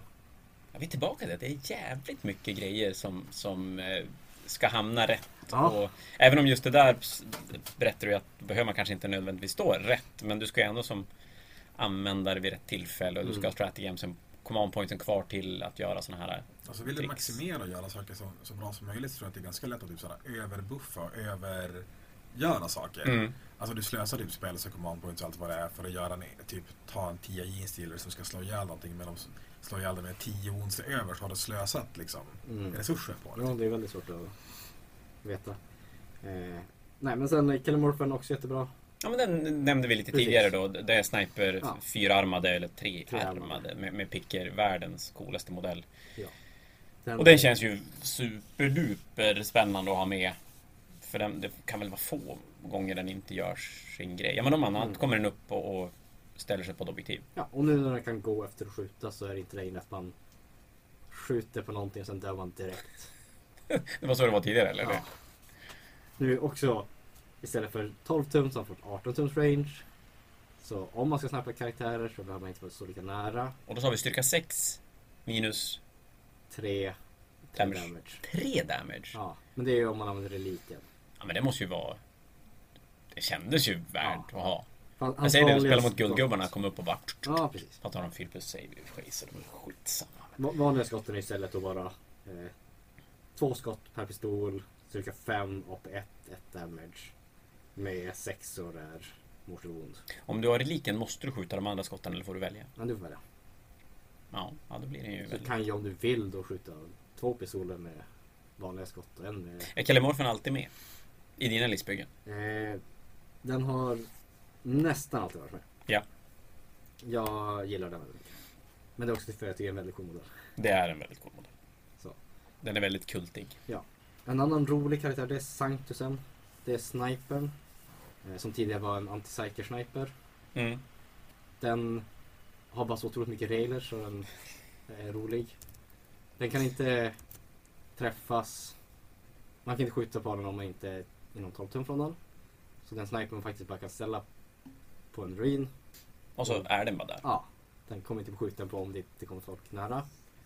Den har också plus ett cover save. Den står cover. Den har minus ett på att träffa. Eh, Den träffar dock själv automatiskt med sin sniper. Träffa automatiskt, det är lite ovanligt ändå. Jo, väldigt. Ja. Det är mycket 2 plus med rerolls, men Ja, det är ju inte nej. riktigt samma sak som Nej, träffa träffar automatiskt. automatiskt. Eh, själva snipern är en styrka 5. AP minus... Jag tror att det är AP minus 3. Eh, ja, Damage. styrka 5 AP minus 3. 2 damage. 4 plus blir ett mortal wound också. Är det sniper så kan ignorera lookouts och grejer, eller är den... Eh, ja, den är cancer. Eh, den har också, man får inte cover mot den. Han eh, räknar alltid sina targets som att de är exposed. Så han får alltid procent på onda också. Känns ju, ja, det känns ju... Alltså, Det enda som är segt är typ att skjuter den ett skott och den gör max tre skada. Mm. Det är ändå såhär, du du ger bort tre poäng i assassinate och du dödar inte en karaktär på en smäll. Då blir det ändå lite såhär, vet, ska man eller ska man inte? Mm. Tycker jag. Eller för, har du stacking så är det bra. Har du flera snipergubbar så då kan det ju vara ja. Ja. För man får spela... Den, man kan ju tycka att det känns lite som att de har unika namn de här, men de är inte unika. Du får spela fler. Nej, Samma. så länge du spelar olika detachment. Ja, just det, du fick bara En en... färdig. Hur command point tung är den här armén? Alltså är det, är, det, är det rimligt att tänka sig att spela en patrol till en, en bataljon eller är det... Ja, det är... Om, om man faktiskt har en plan med sin patrol. Så typ för att få en till eh, Mm. patriarker och sådana saker. Så är det fortfarande något man kan göra. De, de är väldigt command point tunga. Ja, det har de varit, alltid varit. Ja. Det, det var ju som deras... Ja, det har vi ju nämnt tidigare. Det var ju deras grej tidigare. Mm. Den här proficient planning har gjort det lite bättre för dem. För att nu är det ju många grejer som var ett command points, eller tre command points eller vad det nu var förut. Men Mm. nu är det poäng istället. Mm. Nej men eh, just Sanctusen så kan man ju De har ju en eh, annan sniperkaraktär också. Eh, hon på en eh, motorcykel. Ja, just det. Alfa... Ja, Alfus. Alfus heter den, ja precis. Som, Låter som den här lilla alien i tv-programmet. mm. Det är hans storebror. så, så de två tillsammans som har samma vapen. Alf. Då kommer jag snacka Jag var gammal du. Eh, och där har jag haft lite när, när jag har spelat eh, Blade Cog, de som får eh, reroll en wound roll. Mm. Då har man helt enkelt sniper som automatträffar plus ett på onda och reroll. Alltså vissa Då är vi ganska där, jättebra. De är ju ganska. De är he helt okej mot eldar. Alltså med tanke på det är smått haft en stred, oda på tvåor. Ja, Men då har du ju autosaves och grejer så det är inte en automatisk vinst liksom. Men typ mot Admic som har varit både karaktärstunga, det är jättebra. där är det ganska intressant. För de, de var ju, eller var, de är ju väldigt beroende av sina små karaktärer, som sina buffkaraktärer. Ja, och Admic vann ju världens största turnering nyss. Så uppenbarligen finns det play i dem Ja, fortfarande. ja absolut. Jaha. Men, men hur... Eldar är ju genom, genom historien känd som en armé som är nästan bäst när den får veta vad den ska möta för någonting. När du kan tola listan precis mot det du ska möta. Och så är det väl lite grann nu också att de, de är betydligt mycket bättre om du vet vad du ska möta för någonting. Ja, ja absolut. Jo. Kulten känns spontant lite så också. Att det, det, I alla fall karaktärsbilden kändes ju väldigt sådär beroende på vad man möter. Eller, eller är det så att man bygger en armé som, som känns som att den är ganska all coming och, och kan ta hand om det mesta? Ja, alltså det... Jag, jag bygger som aldrig mer... Eh, Nu får du fantisera hur det skulle vara att... att eh, ja, men hur, är, den, är den väldigt matchup-beroende? Har den en del matchup som är bara bajs och, och vissa som känns väldigt, väldigt, väldigt bra? Eller är det... Ja, det, det är väl det lite som är en av den svagheten. Att den inte... Den, den klarar inte av allt. Eh, den, den har lite problem mot... Jag har haft problem mot eh, Drukari. Och då just Drukari med mycket Rax och Grotesks. Mm, För då blev det helt plötsligt väldigt tåliga modeller som också slår tillbaka jättehårt. och ganska många modeller ändå Ja, i de listan. många. Mm. För grejen med typ Custodes är att visst, de slår hårt och de tål mycket. Men de är inte så många. Så där kan man fokusera lite bättre. Och kan spela poängspelet ganska bra Ja, precis. ändå. Mm. Medan en armé som är jättemånga modeller också spelar poängspelet bra. Eh, Och inte dör. Nej. Då blir det mycket tyngre. Ja. Va, jag har sett en del listor med, som, nu vet jag inte om de är bra eller dåliga, det ska jag inte säga någonting om, men där man spelar ganska stora eh, neofythybrider, det är de trearmade Nej, akolyterna. Mm. Och så har man roxos och grejer på dem. Ja. Är det en enhet som man vill spela stora chunkar av och komma ner och, och charge och slå eller skjuta eller vad? Kan vara värt att spela en sån stor enhet och så ger man den slå tre tärningar för att chargea. Mm. för förbränningen. Eh, och så tar man då 15 stycken med 6 stycken eh, industriella vapen. Och antingen då eh, rockdrillsen som nu har blivit väldigt eh, roliga. De automatbondar med eh, ett damage men chans att göra två mortal wounds också när de slår sexor. Och det var det man inte spelade med förut. Nej. Så folk har fel. Ja, jo, den, Nästan så att det finns en tanke bakom det här. Den, den man spelade med förut är en sämsta av nu helt plötsligt. Slump. Ja, Kanske.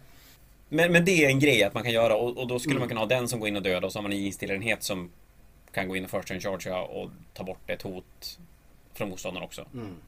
Men jag tror, jag tror att du var inne på en grej där med alltså typ såhär täcka mot metat. Jag tror du kan göra det ganska bra med, med den här boken också egentligen. För du har ju egentligen Alltså du kan ju sätta ut jättemycket mining lasrar och grejer. Du kan ju ha jättemycket specialvapen på dina akoliter som kanske gör mycket damage istället för många attacker. Och så, jag tror du kan, alltså ifall du vet att du bara kommer möta, inte vet jag, Knights och Redemptors, då kan du ju ändå ha en annan lista typ. Ja. Mm. Ja, de har ju De har sina... sjukt mycket val. Men det svåraste med kultboken då, det är att inte falla i fällan att gå in och försöka möta upp fienden vid en boxningsmatch. Nej, då förlorar man. För, för så har jag förstått att det, det är. Att du behöver spela spel, det andra spelet. Mm. Och tradar du ner förlorar du. Tror jag. Ja. Ja, alltså egentligen om du bara tradar lika så kommer du nog förlora också. Ja, exakt. Du måste alltid försöka byta upp dig typ. Alltså blir det så att du skickar in två stycken, se, som man har sett många listor, kör en, en autochargeande gisslenhet och en som first turn chargear och båda de slår ihjäl en vän om då har du förlorat typ. Mm. Alltså det är Mm. nästan så pass. Mm. Det är riktigt, för du har ju mer grejer, det är inte så mycket poäng. Men alltså, för då helt plötsligt så poppar det ut massa gubbar som dödar dem och så sen efter det så har du bytt ner dig. Och då börjar det bli jättejobbigt. För de tål ju så pass lite att du kan inte byta ner dig hur länge som helst. Det är ju typ någon gång sådär. Liksom. Nej, jag kan tänka mig att eh, när, när alla motståndarvapen faktiskt dödar dig. så, så blir det ju väldigt, väldigt jobbigt. Hur står den sig mot Knights och grejer om man skulle se... Jag vet Knights är ju som ingen jättegrej just nu. Men det känns som det är en armé som lika gärna som den inte är en grej helt plötsligt kan bli en jättegrej. Hur, ska de klara sådana arméer? Skulle det funka bra eller? Det, det beror väldigt mycket på om du har byggt en armé som har, om du har byggt en armé som har mycket industrivapen. Ridgerunners med mine lasers Mm. och hybrider med eh, rocksaws. Då, då kan det nog fortfarande gå okej. Eh, Mm. mest för att du fortfarande kan spela på objectives. Men eh, det, problemet är ju fortfarande att Knights dödar eh, väldigt mycket kultmodeller. De delar upp skotten på 15 enheter. Ja, nu alla de här, du kör typ, de som kör sju armors och tre hellbrins och en stor knight säger vi. Och så Mm. sen står du i mitten på ett objektiv, där kan inte kunden ta sig in på det. Alltså du kan inte liksom försöka droppa på det och göra din grej. Nej. Och chargear du dem och inte dödar dem, då har du helt plötsligt färre obsec-gubbar än vad han har på objektivet, för han slår ihjäl dina. Så det är lite stumt faktiskt. Jo, Hur skulle en lista se ut? Du har spelat en del nu. Om du skulle plocka ut din så här, just för tillfället favoritlista, vad, vad spelar du då? Vilken kult? Twisted Helix är den jag spelar oftast. Det var plus ett emot, plus ett i styrka. Precis, Ja. i minus transhuman. Och din armé i, i snabba drag, hur, hur ser den ut då? Ja, den, den, eh, om vi tar den som är ren kult. Mm. Ja, vi, vi, ja, men vi gör det. Vi hoppar över till den innan. Ja. För jag tänker mig att det är förmodligen så att Och det ger det en månad till så, så är det inte relevant. Eh, men då kör jag först en bataljon med en eh, patriark och sen så eh, ibland något annat. Inte alltid samma HQ men en, eh, oftast en Primus. För det är han som ger buffar. Mm. Sen eh, tre enheter med Genestealers. Och 10 rigistillers då. Ja, en nia eh, som då har first turn eh, får göra sin move. För annars Mm. skulle den bli för dyr. Eh, så att Den skulle- grejen eller? alltså, att den skulle gå om patriarkerna i... Ja, i. To the Last Ja. grejen. Okej. Jag vill gärna ja. hålla dem. Ja. Eh, sen i troops så är det bara mängder med eh, eh, mest ganska små enheter med hybrider. Pratar vi femmer då eller tio som man spelar? Eh, femmor, mycket femmor. Ja, då pratar man, då har man litet footprint. Mm. 5-25 mm bas. Det är i och för sig många enheter men... Eh, jag gillar att ha femmor bara för att ta Hur många av de femmorna börjar på planen när du kör? ingen. Nej, jag tänkte det. Så det är väldigt lite fortfarande. Väldigt lite footprint. Det, som börjar på planen är karaktärer och så någon neofytenhet som tar hemobjektiv. Ja. Eh, sen brukar jag spela en stor enhet med hybrider som då har mycket närstridsvapen. Och det är de tre armade, de som Ja. slår hårt. Precis. Ja. Eh, jag gillar också att sätta, om jag har poäng över, sätta en eller två flamers på de små enheterna också. Mm. Bara för att det blir jätteenkla crossfire tokens. De ska få fem träffar och har då en flamer som då träffar automatiskt. Ja. Så kan man ganska lätt få en crossfire och även då exposed för att man ser dem bakom enheten. ja, just det. Och då börjar du få Mm. plus. Men vad har du för skytteenheter då som, som vill utnyttja plus to hit, plus to wound grejen? Främst Ridge Runners. Och det är då det är, bi, det är bilarna, de små bilarna. Ja, Mm. med mine lasers. Hur snabba är de? Eh, 14. 14. Så de kan ta sig runt ganska lätt och, och få... Eftersom det är bara en bas också så är det ju lättare att få den där... Vad det nu heter? Cross... Nej, inte Crossfire, den andra. Exposed. Expose blir ganska mycket lättare då. Mm, När du är snabb och har en stor bas och bara kan vrida dig lite grann. precis. Ja, just det. Mm. Karaktärer. Nexus med eh, reliken. Psy- Psyker, det spelar över hela brädet. Eh, nej, att det var command points. Ja, det var den. Ja, men precis. Ja. men min Warlord brukar ha eh, få Det spelar överallt. precis. Ja. Bara för den är bra. Eh, sen en Kelemorph med reliken. För att få skjuta allting. Mm. Och sen eh, En enhet bikes. eh, tre enheter. Tre enheter bikes. Tre femmor. Jag brukar ofta köra femmor eller fyror. De kommer i fyror. Okej. En democharge per enhet. En eller två. För det är one use granater. Som gör lite skada. Ja, styrka 8. Okej. då. Två damage. Ja, minus tre. Ja. Vad gör du med dem på bordet? Exakt. De börjar ibland eh, börjar de som marker ibland börjar de faktiskt på bordet för att göra sin eh, pregame move. De, och då har de en 14, eller är de ännu snabbare? När jag spelar med Helix så får vi 15. Ja, en 15-tums pregame move då. På, det kan vara ganska bra. Mm. Och då, vad, vad spelar man för sekundära när man spelar en sån där typ av lista? Eh, To the Last sa du att du Ja, brukar spela. To Och då är det två patriarker och den stora... Rid, eh, Ridge Runner heter Ja, det är Ridge den heter som blir... Ja. Och, och, ja, just det. Mm. det. Det beror lite på hur, eh, hur jag bygger. Det är inte, Ja. inte alltid den stora enheten med hybrider får vara med om jag vill faktiskt täcka för För de dör. To the Last. Ja, de där. Ja. Tyvärr. De kommer ner och Ja. boxar sönder någonting och sen är de döda. Men, men om jag vill ha för just To the Last då blir det istället många små enheter och bara köra på Mm. tabbrädet. Eh, och då kör jag ju To Last och den kan jag då ha hemlig på grund av strategin. Så du får en, vad sa du, en hemlig och Ja. reveala två? En hemlig Ja. som jag då revealar när jag får poäng för den. ja, det är To the Last ganska bra hemlig. Ja. Eh, inte alltid värt att ha den hemlig ifall det inte finns något annat vettigt. Nej. Jag vet motståndaren vad man har. Men ifall det är så att det är Assassinate eller Bring It Down och så ger hyfsat mycket poäng Ja. så kan det ju som vara, vara värt att Ja då kan man baita med att försöka döda karaktärer och så Mm. vill man egentligen inte dö själv. Eller göra tvärtom att få. Men sen eh, Engage, eh, Stranglehold ibland också bra. Eh, ja, Rod. Jag tänker typ att de utbytbara som är typ To the Last. Jag personligen hatar att spela med Last för jag vill använda mig av alla mina Ja, den är, den är alltid läskig tycker jag. Ja, så att jag t- tänker så här, se att du möter någon som ger bort 15 poäng Assassinate, för du är ju ganska bra på Assassinate också, Oj. eller väldigt, väldigt bra. Mm. Då kan det ju vara nice att köra Assassinate och köra den gömd. Och så sen vänta på läge där han har mycket karaktärer exposed och så sen mörda dem. Och liksom få den fram. Liksom. Mm. Och vara väldigt tydlig när man börjar då att berätta hur mycket enheterna kostar. Ja. Extremt tydlig. Mhm. För det är ju inte fusk. Jag kan säga så här nu när jag spelar Eldenboken, jag berättar alltid direkt bara Jag kan göra en jättestor Mortal Kombat-bomb ifall du står klumpad någonstans. Mm. Varenda gång. Ja, men-. Kulten blir lite samma sak. att Ibland är det bara bättre att berätta för motståndaren vad man kan göra än att faktiskt göra sakerna. Mm. Och det ska vi ju säga i och för sig att det är ju alltid ett bättre spel om man berättar vad man kan göra. Ja, jo. Och är man tillräckligt duktig på att spela då tjänar man ju förmodligen alla gånger mer på att berätta vad man kan för att tvinga fram ett beteende hos motståndaren än Mm. att försöka spelar Gacho-grejer. Spelar mot någon man känner blir det så här bara, ska du verkligen ställa det där? Jag kan ju springa dem nu. Ska du verkligen göra det? Nej. Ja men det låter ju fantastiskt. Eh, nu har vi gått igenom eh, Tau- Tau-boken. fan fick jag det ifrån? Kultboken ganska ordentligt. Eh, tror inte det är jättemånga som har på lyssnat så här länge på oss ändå.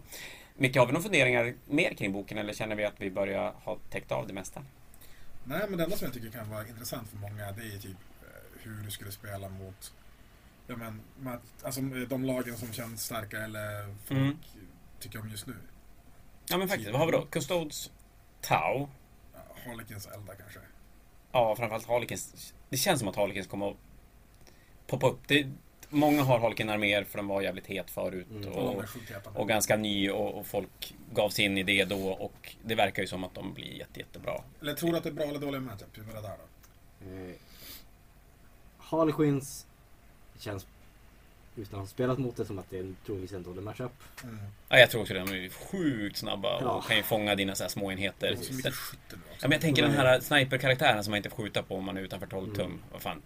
Harlequin som bara tjopp och så är de där och så Precis. petrar man i ögat och han dör. Mm. De är lite för snabba. Eh, Och bara för bra. Och då tar vi Custodes då som är den andra sidan på myntet. Typ. Ja, eh, där tror jag ändå att eh,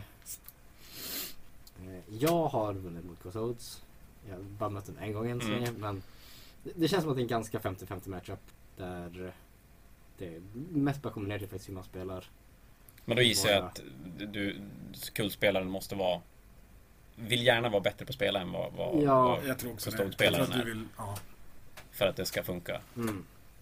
För, och därför kan du ju inte gå in i något trading game Nej, alls, Man- alltså- gissar jag. där blir det verkligen att man får se till att eh, vara väldigt, spela försiktigt. Mm. Och bara ta fighter där man faktiskt vet att man kan vinna. Ingen match man vill ha när man måste vinna med 18-2 i en turnering. Nej, den är mig. väldigt svår att steamrolla. Ja, Eh, men spelar man objektiv så... det ska ju dock sägas att det finns ju ingen armé som kanske vill gå in och måste vinna 20-0 mot en Custode-armé. Nej. Det är ju en tung, tung, ett tungt uppdrag. Jag har bara spelat en gång mot Custodes med eldar och det var ju 20 alltså. Ja, jag har bara spelat en gång mot Custodes mot, med tyrannider och det var 20-0. Till Custodes. Kanske, ja. jag tror fan det var blev 18-2. Eller Ja, det- 2-18 då. Eh, Tauro eh, är ju också en, en nöt att knäcka just för tillfället. Mm. Hur, hur eh, känns den? Spontant som ni har pratat om det känns det Ja, ändå som att Tau jag- skulle jag kunna funka. känn- Tau känns helt okej. Ja. Tau är alltid bara läskigt att ställa upp mot. Ja, för- Man vet vad de kan Helt göra. plötsligt dör man ju bara. Det är, Ja. men, men det är klart när du inte har den där enheten som... Nej men när vi pratar trading game så Tau vill ju, vill ju verkligen möta enheterna som är dyra och de bara Ja. kan gå in och explodera. Jag tror att en bra Tau-spelare kan bli jobbigt mot. Jag tror inte att det är en, alltså, en autoförlust eller Nej. sådär. Men nu när de kör mycket så här pre-game move med crew towns och eh, stealth suits och sådana där grejer så är det ju, kan det vara svårt att ta brädor mot dem. Alltså i början. Mm. För de har ganska mycket screen typ. Du kan ju komma in någonstans ändå och göra din roll och sånt där för du kan ju komma in så pass nära. Men det kan ju bli svårt att komma in på de enheterna att du vill komma in på typ. Tänker jag. Och det är klart, det blir ju problematiskt om man får kvar, om Tau får kvar de enheterna som faktiskt kan döda saker och börjar kunna göra det fler än en gång. Ja, man Tau-spelare måste spela bet- bättre än vad kultspelare måste göra i deploy och pre-game typ. Ja. Mm. För att det är inte jättelätt att, även alltså 10 inställs kan ju smyga förbi ganska mycket ändå ifall du inte har nog med sina hundar och allt det där. Och, och då tänker jag mig att då har vi en hel del Tau-spelare där ute som inte riktigt spelar spelet på det sättet. Ja. Utan som, som placerar sina, sina crisis och broadsides och så rullar man tärning. Ja. Och man är så van att klara sig så bra med det för att saker och ting bara dör. Men möter du typ Richard Sieglers Tau då kan det bli tufft. Tror jag. Men då får vi trösta oss med att det blir ganska tufft med. Ja, oavsett vad Vad- du det än spelar för Ja, någonting. jo. Det är väl kanske våran competitive podd är väl kanske inte riktigt... Så förvänta lyssna inte på oss och förvänta er åka till LVO och vinna. Alltså, Men, men vinna lite lokala turneringar kanske. Ja. Ja. Jag är faktiskt intresserad. Har du spelat mot nya Elda-boken? Eller sett den? Nej, jag har inte spelat mot den den, den det blir, jag är så sjukt intresserad av hur de kommer mötas, eller klara olika matchups nu. För det är också så här väldigt hur man tailar sin lista och sånt där. Ja, föräldrar känns ju också lite så. eh, Och har ni inte hört det så har vi en, två poddar ute. eh, Där vi går igenom Eldarboken. Och det känns lite grann som samma sak där. Att de är ju väldigt spes på, på det de gör. Mm. Och att just hitta den här armén som ska som klara av de olika matchupsen som vi, vi, finns. alltså jag och, alltså så våra med, vi vill köra samma secondary objectives typ. Egentligen. Mhm. Eh, kulten är lite bättre på dem än vad jag är, egentligen. Eh, däremot så jag byter upp mig ganska bra också, så det kan bli ganska knepigt. Typ jag kan ju skjuta på allt som droppar och döda det som droppar. Alltså kommer ner Ja. typ, exempelvis. Och sen har ju Eldar lite indirekt skytte och grejer också som Ja, börjar göra lite ont. Men det kanske inte spelas med i och för sig. Så att, det- Eh, Utan det, det jag vill göra det är typ att stå med en ja, med Guardians eller Dire Avengers eller vad det än är. Och så har jag Mm. tre Farseer som är utspridda. För det är, det är 12 tum ifrån en Farseer för att skjuta. Eh, på allt som droppar inom 18. Så får jag alltid Ja, skjuta på en enhet som droppar. Alltså vart de än droppar. Så då blir det ju så här att då byter jag helt plötsligt. Mm. För att det säger så här, kommer han in med inställd på vad som helst i min armé så dör det. Det spelar ingen roll vad det är för någonting.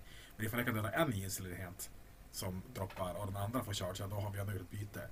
Istället för att han bara chargear, slår ihjäl och hoppar upp igen. Liksom. Ja. Jo. Jag gillar inte sådana effekter som får skjuta när jag kommer ner. Men det är inte så mycket. Det är Eldar som kan göra det. Det är Space Marines som kan göra det Ja, också. precis. Eller så är man väl lite busig. Det är så här, han droppar två enheter. En eh, femma koliter som vill rodda och en eh, tia isdealer. Så de två han droppar och skjuter jag på koliterna istället. Ja, den, den är ju lite besvärlig. Ja, vill du rodda med isdealers då eller? Det, och så dödar de inte med till en sån här absolut döda en enhet men eh, det blir dåligt med poäng i slutet Ja, sen. exakt. Så Det, kan man också göra. ja men det är väl lite intressant också när det, när det är ett sånt spel. Och, men det innebär ju som sagt att många som tar upp Kultboken kommer att förlora massor av matcher. Ja. Innan man får grepp om hur man ska spela spelet. Om man ens tycker om att spela den typen av lista. För Det är, det är en speciell typ av... ja. Sjukt högt liksom, threshold för bra spelare. Alltså du kan verkligen göra mycket mer. ja, men det känns som det. Att det är sky's the limit. Men du ska vara beredd att, att plöja ner ganska mycket tid i figurer. Och jag kan tänka mig att man kommer vilja ha ganska mycket av modellerna i, i armén också. Just för att kunna välja och vraka lite grann när man ska börja bygga listor. Det är svinläskigt att möta en tavspelare på en turnering som du inte vet vem det är. Alltså det är verkligen, alltså säg att du går in första rundan i... Jag tänker en kult... En kult En kultspelare. Ja, exakt, det men gud ja. Det, Du kommer in första, första i turneringen så möter du en, en kultspelare. Listan är bra för han har hittat den på internet. Och så kollar du på honom och bara Jesus Christ, ja, blir man försiktig, vet du vad man ska göra. Och sen chargear han en kissenhet och man bara Jag vinna. Men jag tänker, har man inte den, lite grann har man väl det facit redan när man, när man lyssnar på valen av sekundära, tänker jag. Ja, fast det är ganska alltså grejen är- Men i och för sig, man kanske bygger en lista som spelar Ja, vissa vi, vi ser sekundära. att någon snubbe som Sekundära kanske inte är superbra på att spela. Alltså lyssna på den här podden. Hör att Viktors lista verkar ju jättebra för han är inte Mm. mm. spela säger vi. Och sen kör han alltid de här sekundära. Så han kör de sekundära också. Och så kör, kör han igång. Och så sen vet han inte vad han ska slå på. Och då är det över. Det är så Ja. det blir också. Ja, men det är ju sant. Och, och det tar ju kanske lite längre tid med en kultarmé att lista ut hur spelaren är. För många gånger kan du ju se det i deployment redan. Mm. Men det är ju lite svårare att se när det bara läggs ut lite pluppar Mm. och, och veta. Tala om secondary. Så fundera på Teleport Homer Secondary. någonting. Ja, jag har faktiskt spelat lite med den. Den måste ju vara ganska bra. Ja, den fungerar. Och det är den du ska göra en action I, antingen i motståndarens blad fördel 4 och 2 i No Man's Land. och den får du göra med karaktärer också. Visst är det den du får göra med Ja, men jag, karaktärer? jag vill göra med Obsec Troops för då får du göra det i slutet av din tur istället för i början. Ja, just det, det är så ja, precis. Men, Ja. men eh, alltså, kan du komma in vart som helst i motståndare så kan du ju få tre mer poäng än du skulle få för dem, tänker jag. För du får ju, det är 15 max på den istället. Mm. ja. Sen det kan nästan vara bättre om man beroende på vad man möter såklart. Ja. Och den är inte beroende av att du ska ha visst antal modeller i, i enheten för att klara av den heller. Nej, Nej, det är egentligen bara att du vill ha... Obsec eller, eller Ja. Troops kör ju sin Obsec, Ja, någon av dem. no. Men det är, för han spelar ingen roll. För Nej. alla Nej, det är väl samma sak, va, i- i- Nej, exakt. För då kan han ju bara, ja men typ, jag vill komma innanför tre eller sex eller vad fan det nu är i Mm. motståndarens deploy. Och står motståndaren kvar i sin deployment hela spelet då har ju du ändå vunnit egentligen som vinst eller kultspelare. Alltså Mm. oavsett. Så att det är ju en ganska bra grej att försöka forsa också. Jo, Så den istället för Retrieve Nachmund Data. Ja, jag Helt enkelt. det. Mm. ja, ibland. Ja. Det... Och Engage, den är alltid med. Engage är nästan alltid med. Och sen är då frågan om det är to the last känn- eller om motståndaren ger bort någonting Ja. som, som är värt att ta istället. Tredje är lite svårare. Ja. Men det är väl genomgående för ganska många arméer att den Det är där tredje är lite du lurig. har psychic interrogation om du vill göra det. Psychic Psychic Interrogation. Ja. Den Så länge måste- du har två psykers i armén så fungerar Mm. det jättebra. Ja, om motståndaren inga psykers då är ju den Ja. superduper bra. Tänker jag. För du hade inte jättemånga spells som ska igenom. Nej, det, det är liksom, har man en psyker som faktiskt kan få igenom sina spells Ja. så kan den andra eh, ta och... Och Patriarken är ju ändå där framme Ja. och kommer ju vara inom 24 från psykers. den, eh, Eller karaktärer. den fungerar också bra. Spännande. Men eh, det är ju, en, en, när man bygger listan så är det väldigt viktigt att tänka på vad man vill göra med den. Framförallt för secondaries. Ja. Det, det är inte bara att stoppa in det som eh, känns roligt eller det som är coolt. Nej, för då blir det inte så jävla roligt att spela. Det, för jag kan tänka mig att det är en lista som blir ganska tråkig att spela om du om du gör, alltså att om, om, du, ja, men om du är en sån som tycker om att gå in och bara döda saker. Mm. Att det, det, blir, det blir inte tillräckligt Det blir aldrig tillräckligt nära bra för att det ska bli roligt. Men fundera på vad du vill göra åtminstone de första tre turnsen. Alltså Mm. ganska exakt vad du vill göra de första tre. Precis. och, och så sen, e- efter det så är det, då är det ju, har inte du dödat nog mycket så är det ju ändå, alltså då, då är det lite, Ja. s- längre så behöver du inte planera. Mm. Men då vet du ungefär vad du vill göra. Mm. Men det är ju det svåra spelet tycker jag i 40K. Egentligen är ju de där två sista turerna. För, för det är, jag, jag ja, nu låter Men då att blir det mer player skill. Ja men jag tänker det, att Mm. för, från början kan man sitta hemma och pula och, och, och rita diagram och tänka sig exakt hur man ska deploya och vart man ska hamna och vad man ska göra med enheterna. Men det är ju den där, ja men när du har kvar den där trean neofyter i ett hörn, runda fyra, Mm. ja men vad ska jag göra med den? Eh, Ska jag ställa den där för att denia en, en charge mot något annat eller ska jag, ja, det, det är det jag tycker är svårt med 40K. Jo. En till sak med kunder som jag tycker är jävligt nice, det är ifall du möter saker som, folk som har overcommittat till saker, det är jättevanligt listbyggemässigt. Att någon bara, ja men jag kör en 10 Terminator, så jag tar- kör en 10 sådana grejer, det älskar ju kulten. Vadå, 20 jeans och 15 jeans Ja men för då, alltså du, du kan alltid trada upp på stora enheter. Det är så jag tänker, Mm. alltså Ja. vad än har. Så det är också det som du älskar att möta. Det är mycket svårare att möta jättemånga små grejer som trada upp egentligen tror jag. Alltså för dem. Det märker man ju väldigt mycket när man spelar mot folk som är bättre än, än en själv. Tycker jag. Att när man spelar mot folk som är lite sämre än vad man är själv så funkar det otroligt bra att ha stora dyra enheter som verkligen gör sin grej. Ja. Jag känner det mycket i mitt spelande att de här 20 instillersna och Hiveguardsen de, de är ju fantastiska när man möter folk som är lite sämre som inte riktigt klarar av att hantera det. För då får du alltid value av det. Ja. Men när man möter bättre spelare som kan se till att du inte får fullt value av de där grejerna. Då när du väl kommer in i runda 3-4, ja då har du liksom inget play överhuvudtaget. Du har inga screenenheter kvar, du, du har ingenting sånt att spela med överhuvudtaget. Och det är ganska stor, alltså med kulten så har du ju jättemycket små enheter så då kan du alltid ha lite play kvar, tänker jag. Men det gäller att du kan spela med dem också. Mm. Alltså, ja. Så, så att de står på rätt ställe och gör rätt grej. eh, Även i runda 4-5. Ja. För att plocka de där sista poängen. Och då krävs det att man har gjort tillräckligt mycket de tidigare turerna för att det ska... Ja. Så det är, det är en bok man... eh, Det är helt okej att committa mycket, framförallt CP tidigare turerna. Bara så att det ska... För att få fullt value av, av det tidigt. Ja, Ja. så att man har mer att göra senare. ja. Och kan du rida ut de turerna så tror jag att du vinner mot honom. Alltså ifall du rider ut tur 1 och 2, 3 också kanske, men Mm. tur 1 och 2, då tror jag att du har en sjukt bra chans att vinna mot en isstillekull. Ja. Den, den tappar mycket. Det finns några sådana arméer. Förra, eh, förra Green Knights-boken exempelvis, så spelade någon gång. Och när, när eh, command pointsen är slut, då, då vinner man. Ja. Alltså då, Då går luften ur alltså. ja, då går luften ur. Precis som eh, tyrannider innan. Tyranniderna är ju lite så nu också att luften går ur om, om, om du inte har runda två. Se till att plocka bort allt som behöver plockas bort. Man behöver en bra, bra runda två framförallt. Runda ett är ju oftast väldigt ointressant. Mm. För man vill helst bara inte spela runda ett. Hoppa över den. Ja, det, det, Man försöker gömma sig. Jag tänker den playen du har runda ett, det är ifall du får en first turn charge med Ja, e-sealers. Då har du ju en bra play. Mm. Och så sen resten av den turen då eh, roddar du, ställer dig på objektiv och så sen så är Mm. din tur nu. Precis. Jag köper mina bikes för att ta engage. Ja. Och sen runda två, då vill du gärna komma ner med den stora akolytenheten och se till att trada där också då ordentligt. Mm. Då kommer jag antingen ner med stor enhet eller massa små enheter och Mm. se till att ja, få in så många charges på så många ställen jag vill som möjligt. Men då tänker jag säga så här. Då sammanfattar vi det här med att säga att gillar man trixiga böcker så är Kulten kanske boken att gå till. Men det är bra om du också gillar att bygga och måla gubbar i, i samma veva. För det kommer vara mycket bygga och måla för, för att få ihop en, en ordentlig armé. Och ska det vara riktigt bra så är det mycket matte. Alltså typ hur, hur hårt slår den här och hur mycket tål de där. Ja. du. Gilla plocka poäng mer än att döda motståndarens figurer. Att många gånger kan de hamna i ett läge där det är bättre att ställa sig på objektivet än att försöka gå in och döda. Mhm. Svintråkigt. Va? Ja, precis. Ja men du, det där lät ju jättespännande tycker jag. Eh, nu har ni mycket att fundera på om ni är kultspelare och en, kanske en del intressant att ta med er om ni ska möta kulten. Eh, Viktor, tack för att du var med ikväll. Är. Micke, vi kommer snart tillbaka med en Harlequin-genomgång. Gör vi. Ja, jag tror att vi har väl åtminstone fyra på det tror jag. Ja, så det kommer Harlequins, det kommer en Fnatic-list-genomgång också. Så precis innan vi slutar ska jag också säga det att Fnaticen närmar sig med stormsteg. 2-3 april är det Fantasia Fnatic här i Umeå.